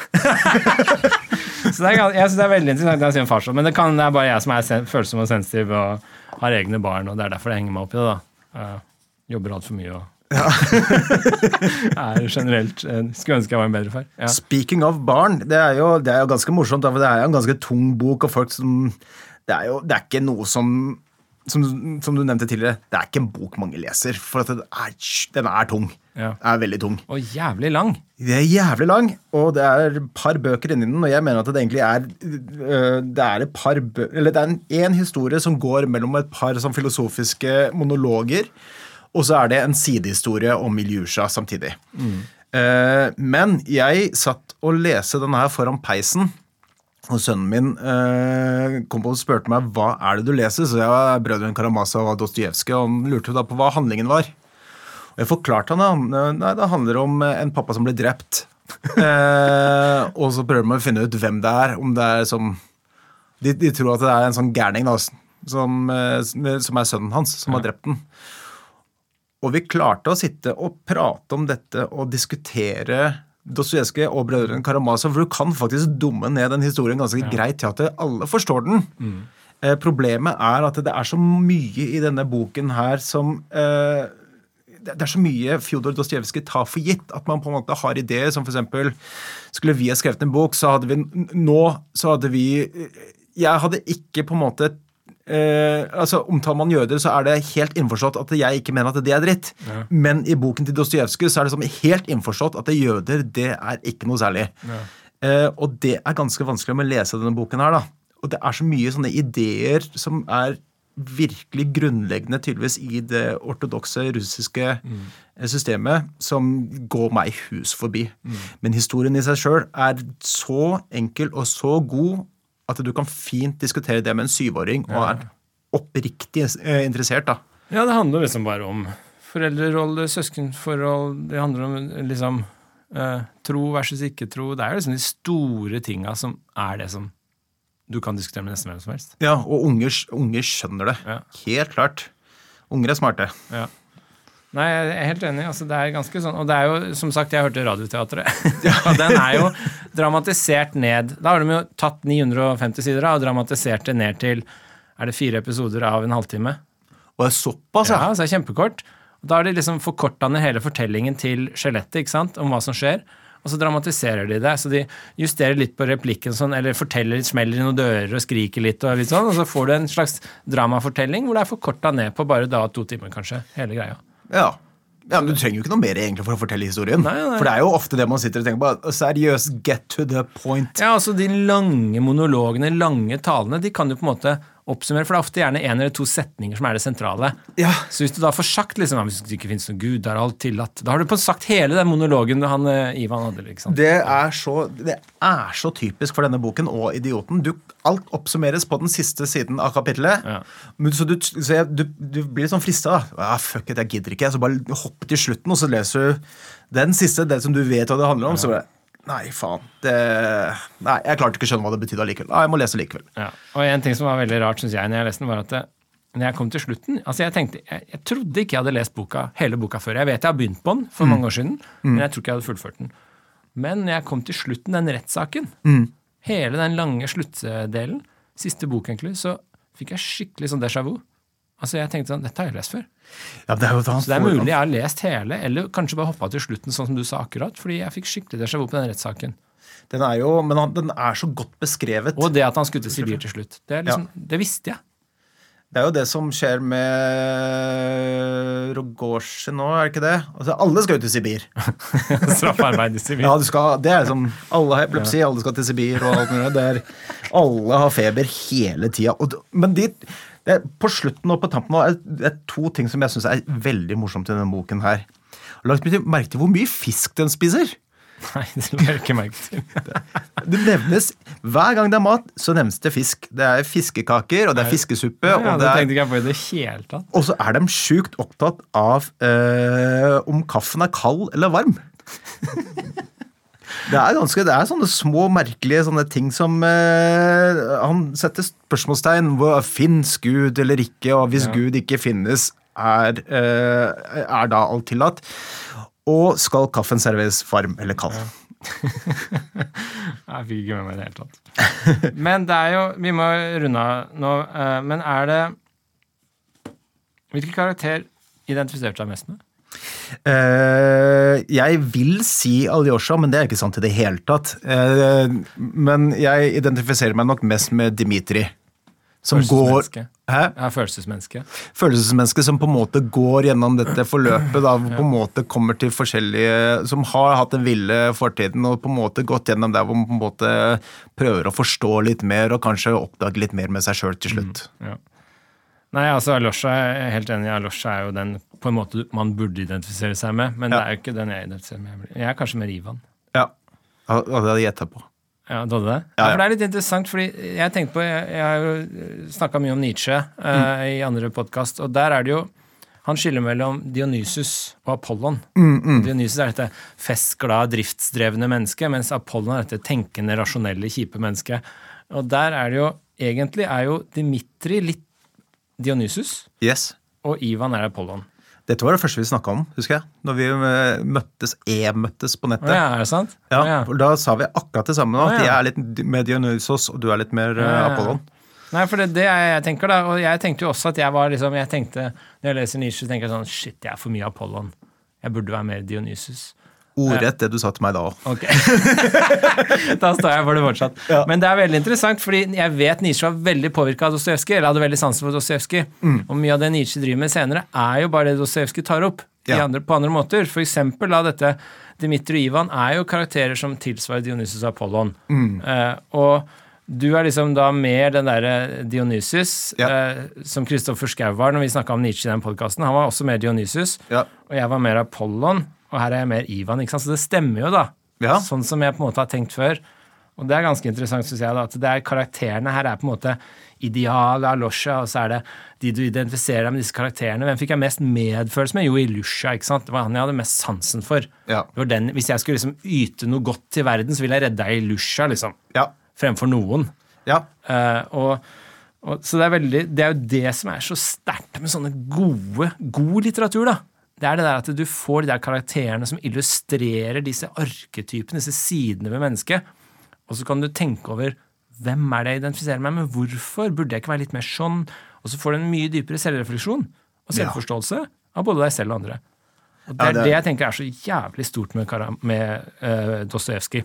Ja. Jeg syns jo Tolstoy er en bedre romanforfatter enn Dostojevskij. Mm. Men det som er med Dostojevskij, er at det er så Disse karakterene og filosofien Det er så mye filosofi i det, da. Mens Tolstoy Ja. er liksom mer den derre episke fortellingen og den derre stemmen om hva som i de store bildene, mens her er liksom disse enkeltkarakterene som stikker så fryktelig ut. Og han Det er veldig bra god, her. Han har så god innsikt i menneskelig det, det indre livet til mennesker, og Ja. de er så forskjellige, disse karakterene. Ja. Og de tar Det er ikke feil. De, de stemmer alltid. Altså, det er helt bombesikre Mm. og skuddsikre karakterer, da. Ja. Men de er jo også, visstnok så er det om denne, eh, om denne boken her, så er det, er det jo også sagt at uh, uh, Dostojevskij startet jo eh, som en det, det er jo egentlig på en måte en selvbiografi. Fordi han startet jo som eh, Dmitrij. Så hadde han sin periode som Ja. Ivan, hvor han til slutt endte Ja, opp som Alyosha. Så det er jo på en måte hans egne stadier av livet som han diskuterer her. da. Ja. Så Det er kanskje også derfor han forstår så godt disse ulike sidene. Mm. Så kanskje du en eller annen dag plutselig blir en Alyosha, du òg? Ja, jeg håper heller gå tilbake. Jeg blir Dimitri. Blir som Fjodor. Ja. Ender opp med Fjodor. Ja, hva han sa for noe? Eh, grusom Nei, hva var det? Dobbelt hake, en ekkelt adamseple og svarte tenner. Ja, han er en grusom fyr. Men jeg er helt enig. Altså, det er jo det Karamazov han sier at livet handler om å altså, Man kan leve, sier man på et tidspunkt i boka. Altså, man lever som Karamazov. Man lever Ja. karamazovsk. Ja. Og det betyr liksom at du har alle disse sidene av mennesket, alle disse stadiene. Og hvis du tenker på Kirkegård, da. Kirkegård snakker jo også om tre stadier. Han snakker om, og Kirkegård var før Dostojevskij, ikke sant? Kirkegård var begynnelsen av 1800-tallet. Og dette er jo 18... Oi, vi, snakker om, vi, vi snakker om filosofen Kirkegård. Ja, Søren fysisk. Nei, ikke en Kierkegaard. Søren Kirkegård. Kierkegaard. uh, Eh, eh, og han snakker om tre stadier. Han snakker om estetikeren, som er denne livsnyteren. Det er det laveste.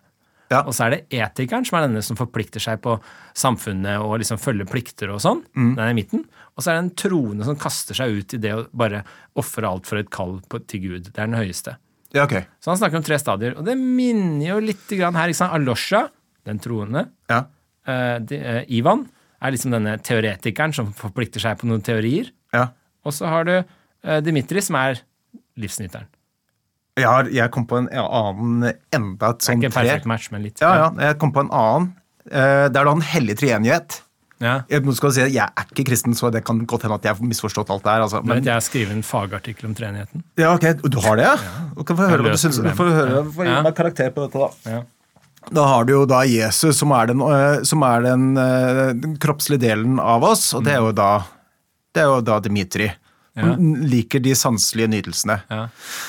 Eh, og så har du eh, Gud, som er det på en måte den eh, den intellektuelle delen, altså ordet, Ja. alt mulig, det vil da være Ivan. Som, eh, så har du til slutt det åndelige, Den hellige ånd, som da er Alyosha. Ja, ja. Det er interessant bilde på det. Jeg er enig. Du kan, ja, du kan også tenke på det som at eh, Jesus er da uh, Man kunne snudd på det og sagt Jesus er, er uh, Nei, det kan man kanskje ikke. Ja, for jeg tenker på at Han er en sånn fysisk tilstedeværelse for den hellige treenigheten. da. Gud er jo på en måte den som snakker, men Helligånden er, liksom, det, er det høyeste vil jeg tro. Jeg tror jeg er, er det ikke det? Ja, altså egentlig, er- eller det er jo Gud er liksom eh, grunnlaget her for alt, og så er du Jesus er en inkarnasjon av Gud. Så Mm. Jesus er jo egentlig Gud, selv om han sies å være sønnen og faren. Ja, ja. Så er det jo egentlig en og samme greie. Han har bare inkarnert seg i sin en egen sønn. fysisk kopi. Litt sånn innavlaktig greie. Og så har du Den hellige ånd som på en måte kommer ned og, og er et bål, slags eh, flamme over noen trær og sånn. Altså, så, men egentlig er det jo bare tre sider av samme sak. Så problemet med treenigheten er jo hvordan hver og en av de kan være identisk med Gud, når de ikke er identisk med hverandre. Men det er, det er jo akkurat det der. Så er det, de tre gutta er jo da identisk med Fjodor Dostojevskij. Ja. Så han, han har et sånt gudekompleks. Han er jo da Russlands versjon av Kanye West. Ja, det er veldig interessant tolkning. Jeg er imponert. Det er en kul tolkning. Altså At man ser treenigheten i, i disse brødrene. da. Ja. Her er det kanskje siste det jeg bare skulle si om Nietzsche, var jo at den han, Nietzsche er veldig opptatt av religion er liksom livshemmende, mens det livsfremmende er jo drifter og bare la livet gå sin gang, liksom, uten å bli hemma av konvensjoner, på en måte. da. Jeg lærte av en veldig smart mann at dette kalles nihilisme. Stemmer. Men da er det jo her eh, Mot slutten av boka, 811 i min bok, så er jo noe av dette her forfektes jo litt. altså det Her ser du hva Nietzsche henta inspirasjon fra. fordi her sier han for eksempel da eh, Etter min mening er det slett ikke nødvendig å rive ned noe. Det er nok å utrydde gudstanken hos mennesket. Det er her man må begynne. Ja, dette er det Satan som sier til Ivan. Og så sier han videre menneskene vil slå seg sammen for å presse ut av livet alt det kan gi, men vel å merke, de vil bare tenke på lykken og gleden her i denne verden. Så han snakker liksom her om hva som skjer når du river ned gudstanken, og alt blir tillatt, egentlig. Eh, Ja. Men når du river ned gudstanken, så vil vi liksom presse det, lille, det, mest, det vi kan få ut av livet. Så egentlig, hvis du vrir på det, da, så er det jo det at ja, gudstanken er jo på en måte denne livshemmende som holder igjen det at vi presser det vi kan få ut av livet. Og Det er jo bare Nietzsche i et nøttskall. Det er Nietzsche i ja. Tok han, tok han da hensyn til det at Men da oppstår det, det eh, henkastelsesvakuumet hvor vi bare søker etter det neste vi kan henkaste oss mot. Og legge oss under, da. Som han påstår her, eh, som Dostojevskij mener at vi gjør. Så fort på en måte vi kaster fra oss Gud, så vil vi be om noe annet som kan ta fra oss friheten vår. Og Ja, Vi vil bare kaste oss under hverandre, eller bare, vi må bare ha en leder, liksom. Ja, ja, vi må ha en Putin. må ha en Putin. Her er det siste, ikke sant? Her sier han, og derfor kan dette nye mennesket, om det er påkrevet uten betenkeligheter, sette seg utover de moralske hindringer som det tidligere slavemennesket var bundet av. Ja. Så det at det, det frigjøre seg fra gudstanken, er liksom da slippes livet løs, er liksom det som diskuteres her, da. Uh, Det er liksom veldig Nietzsche. Da. Ja, Så det er litt kult, da. det er kult. Men uh, har du noen siste ord? Det var gøy, det her. Dette var gøy. Drikker gjerne mye brandy i denne boka. Skal vi gå og ta oss en brandy og spise litt fisk? Det er det som skjer her nå. Eller gå hjem og ikke være fjodor. Ikke være fjodor, være glad i barna sine. Ja. Eh, ok, veldig kult. Eh, ta en bok til. Veldig gjerne. Dette er gøy. Vi tar eh, en Dostojevskij til. eh, gi meg et par dager på å lese, så Tar den, tar leseren, som sagt, med venstrehånda. Ok, snakes. Hei, hei.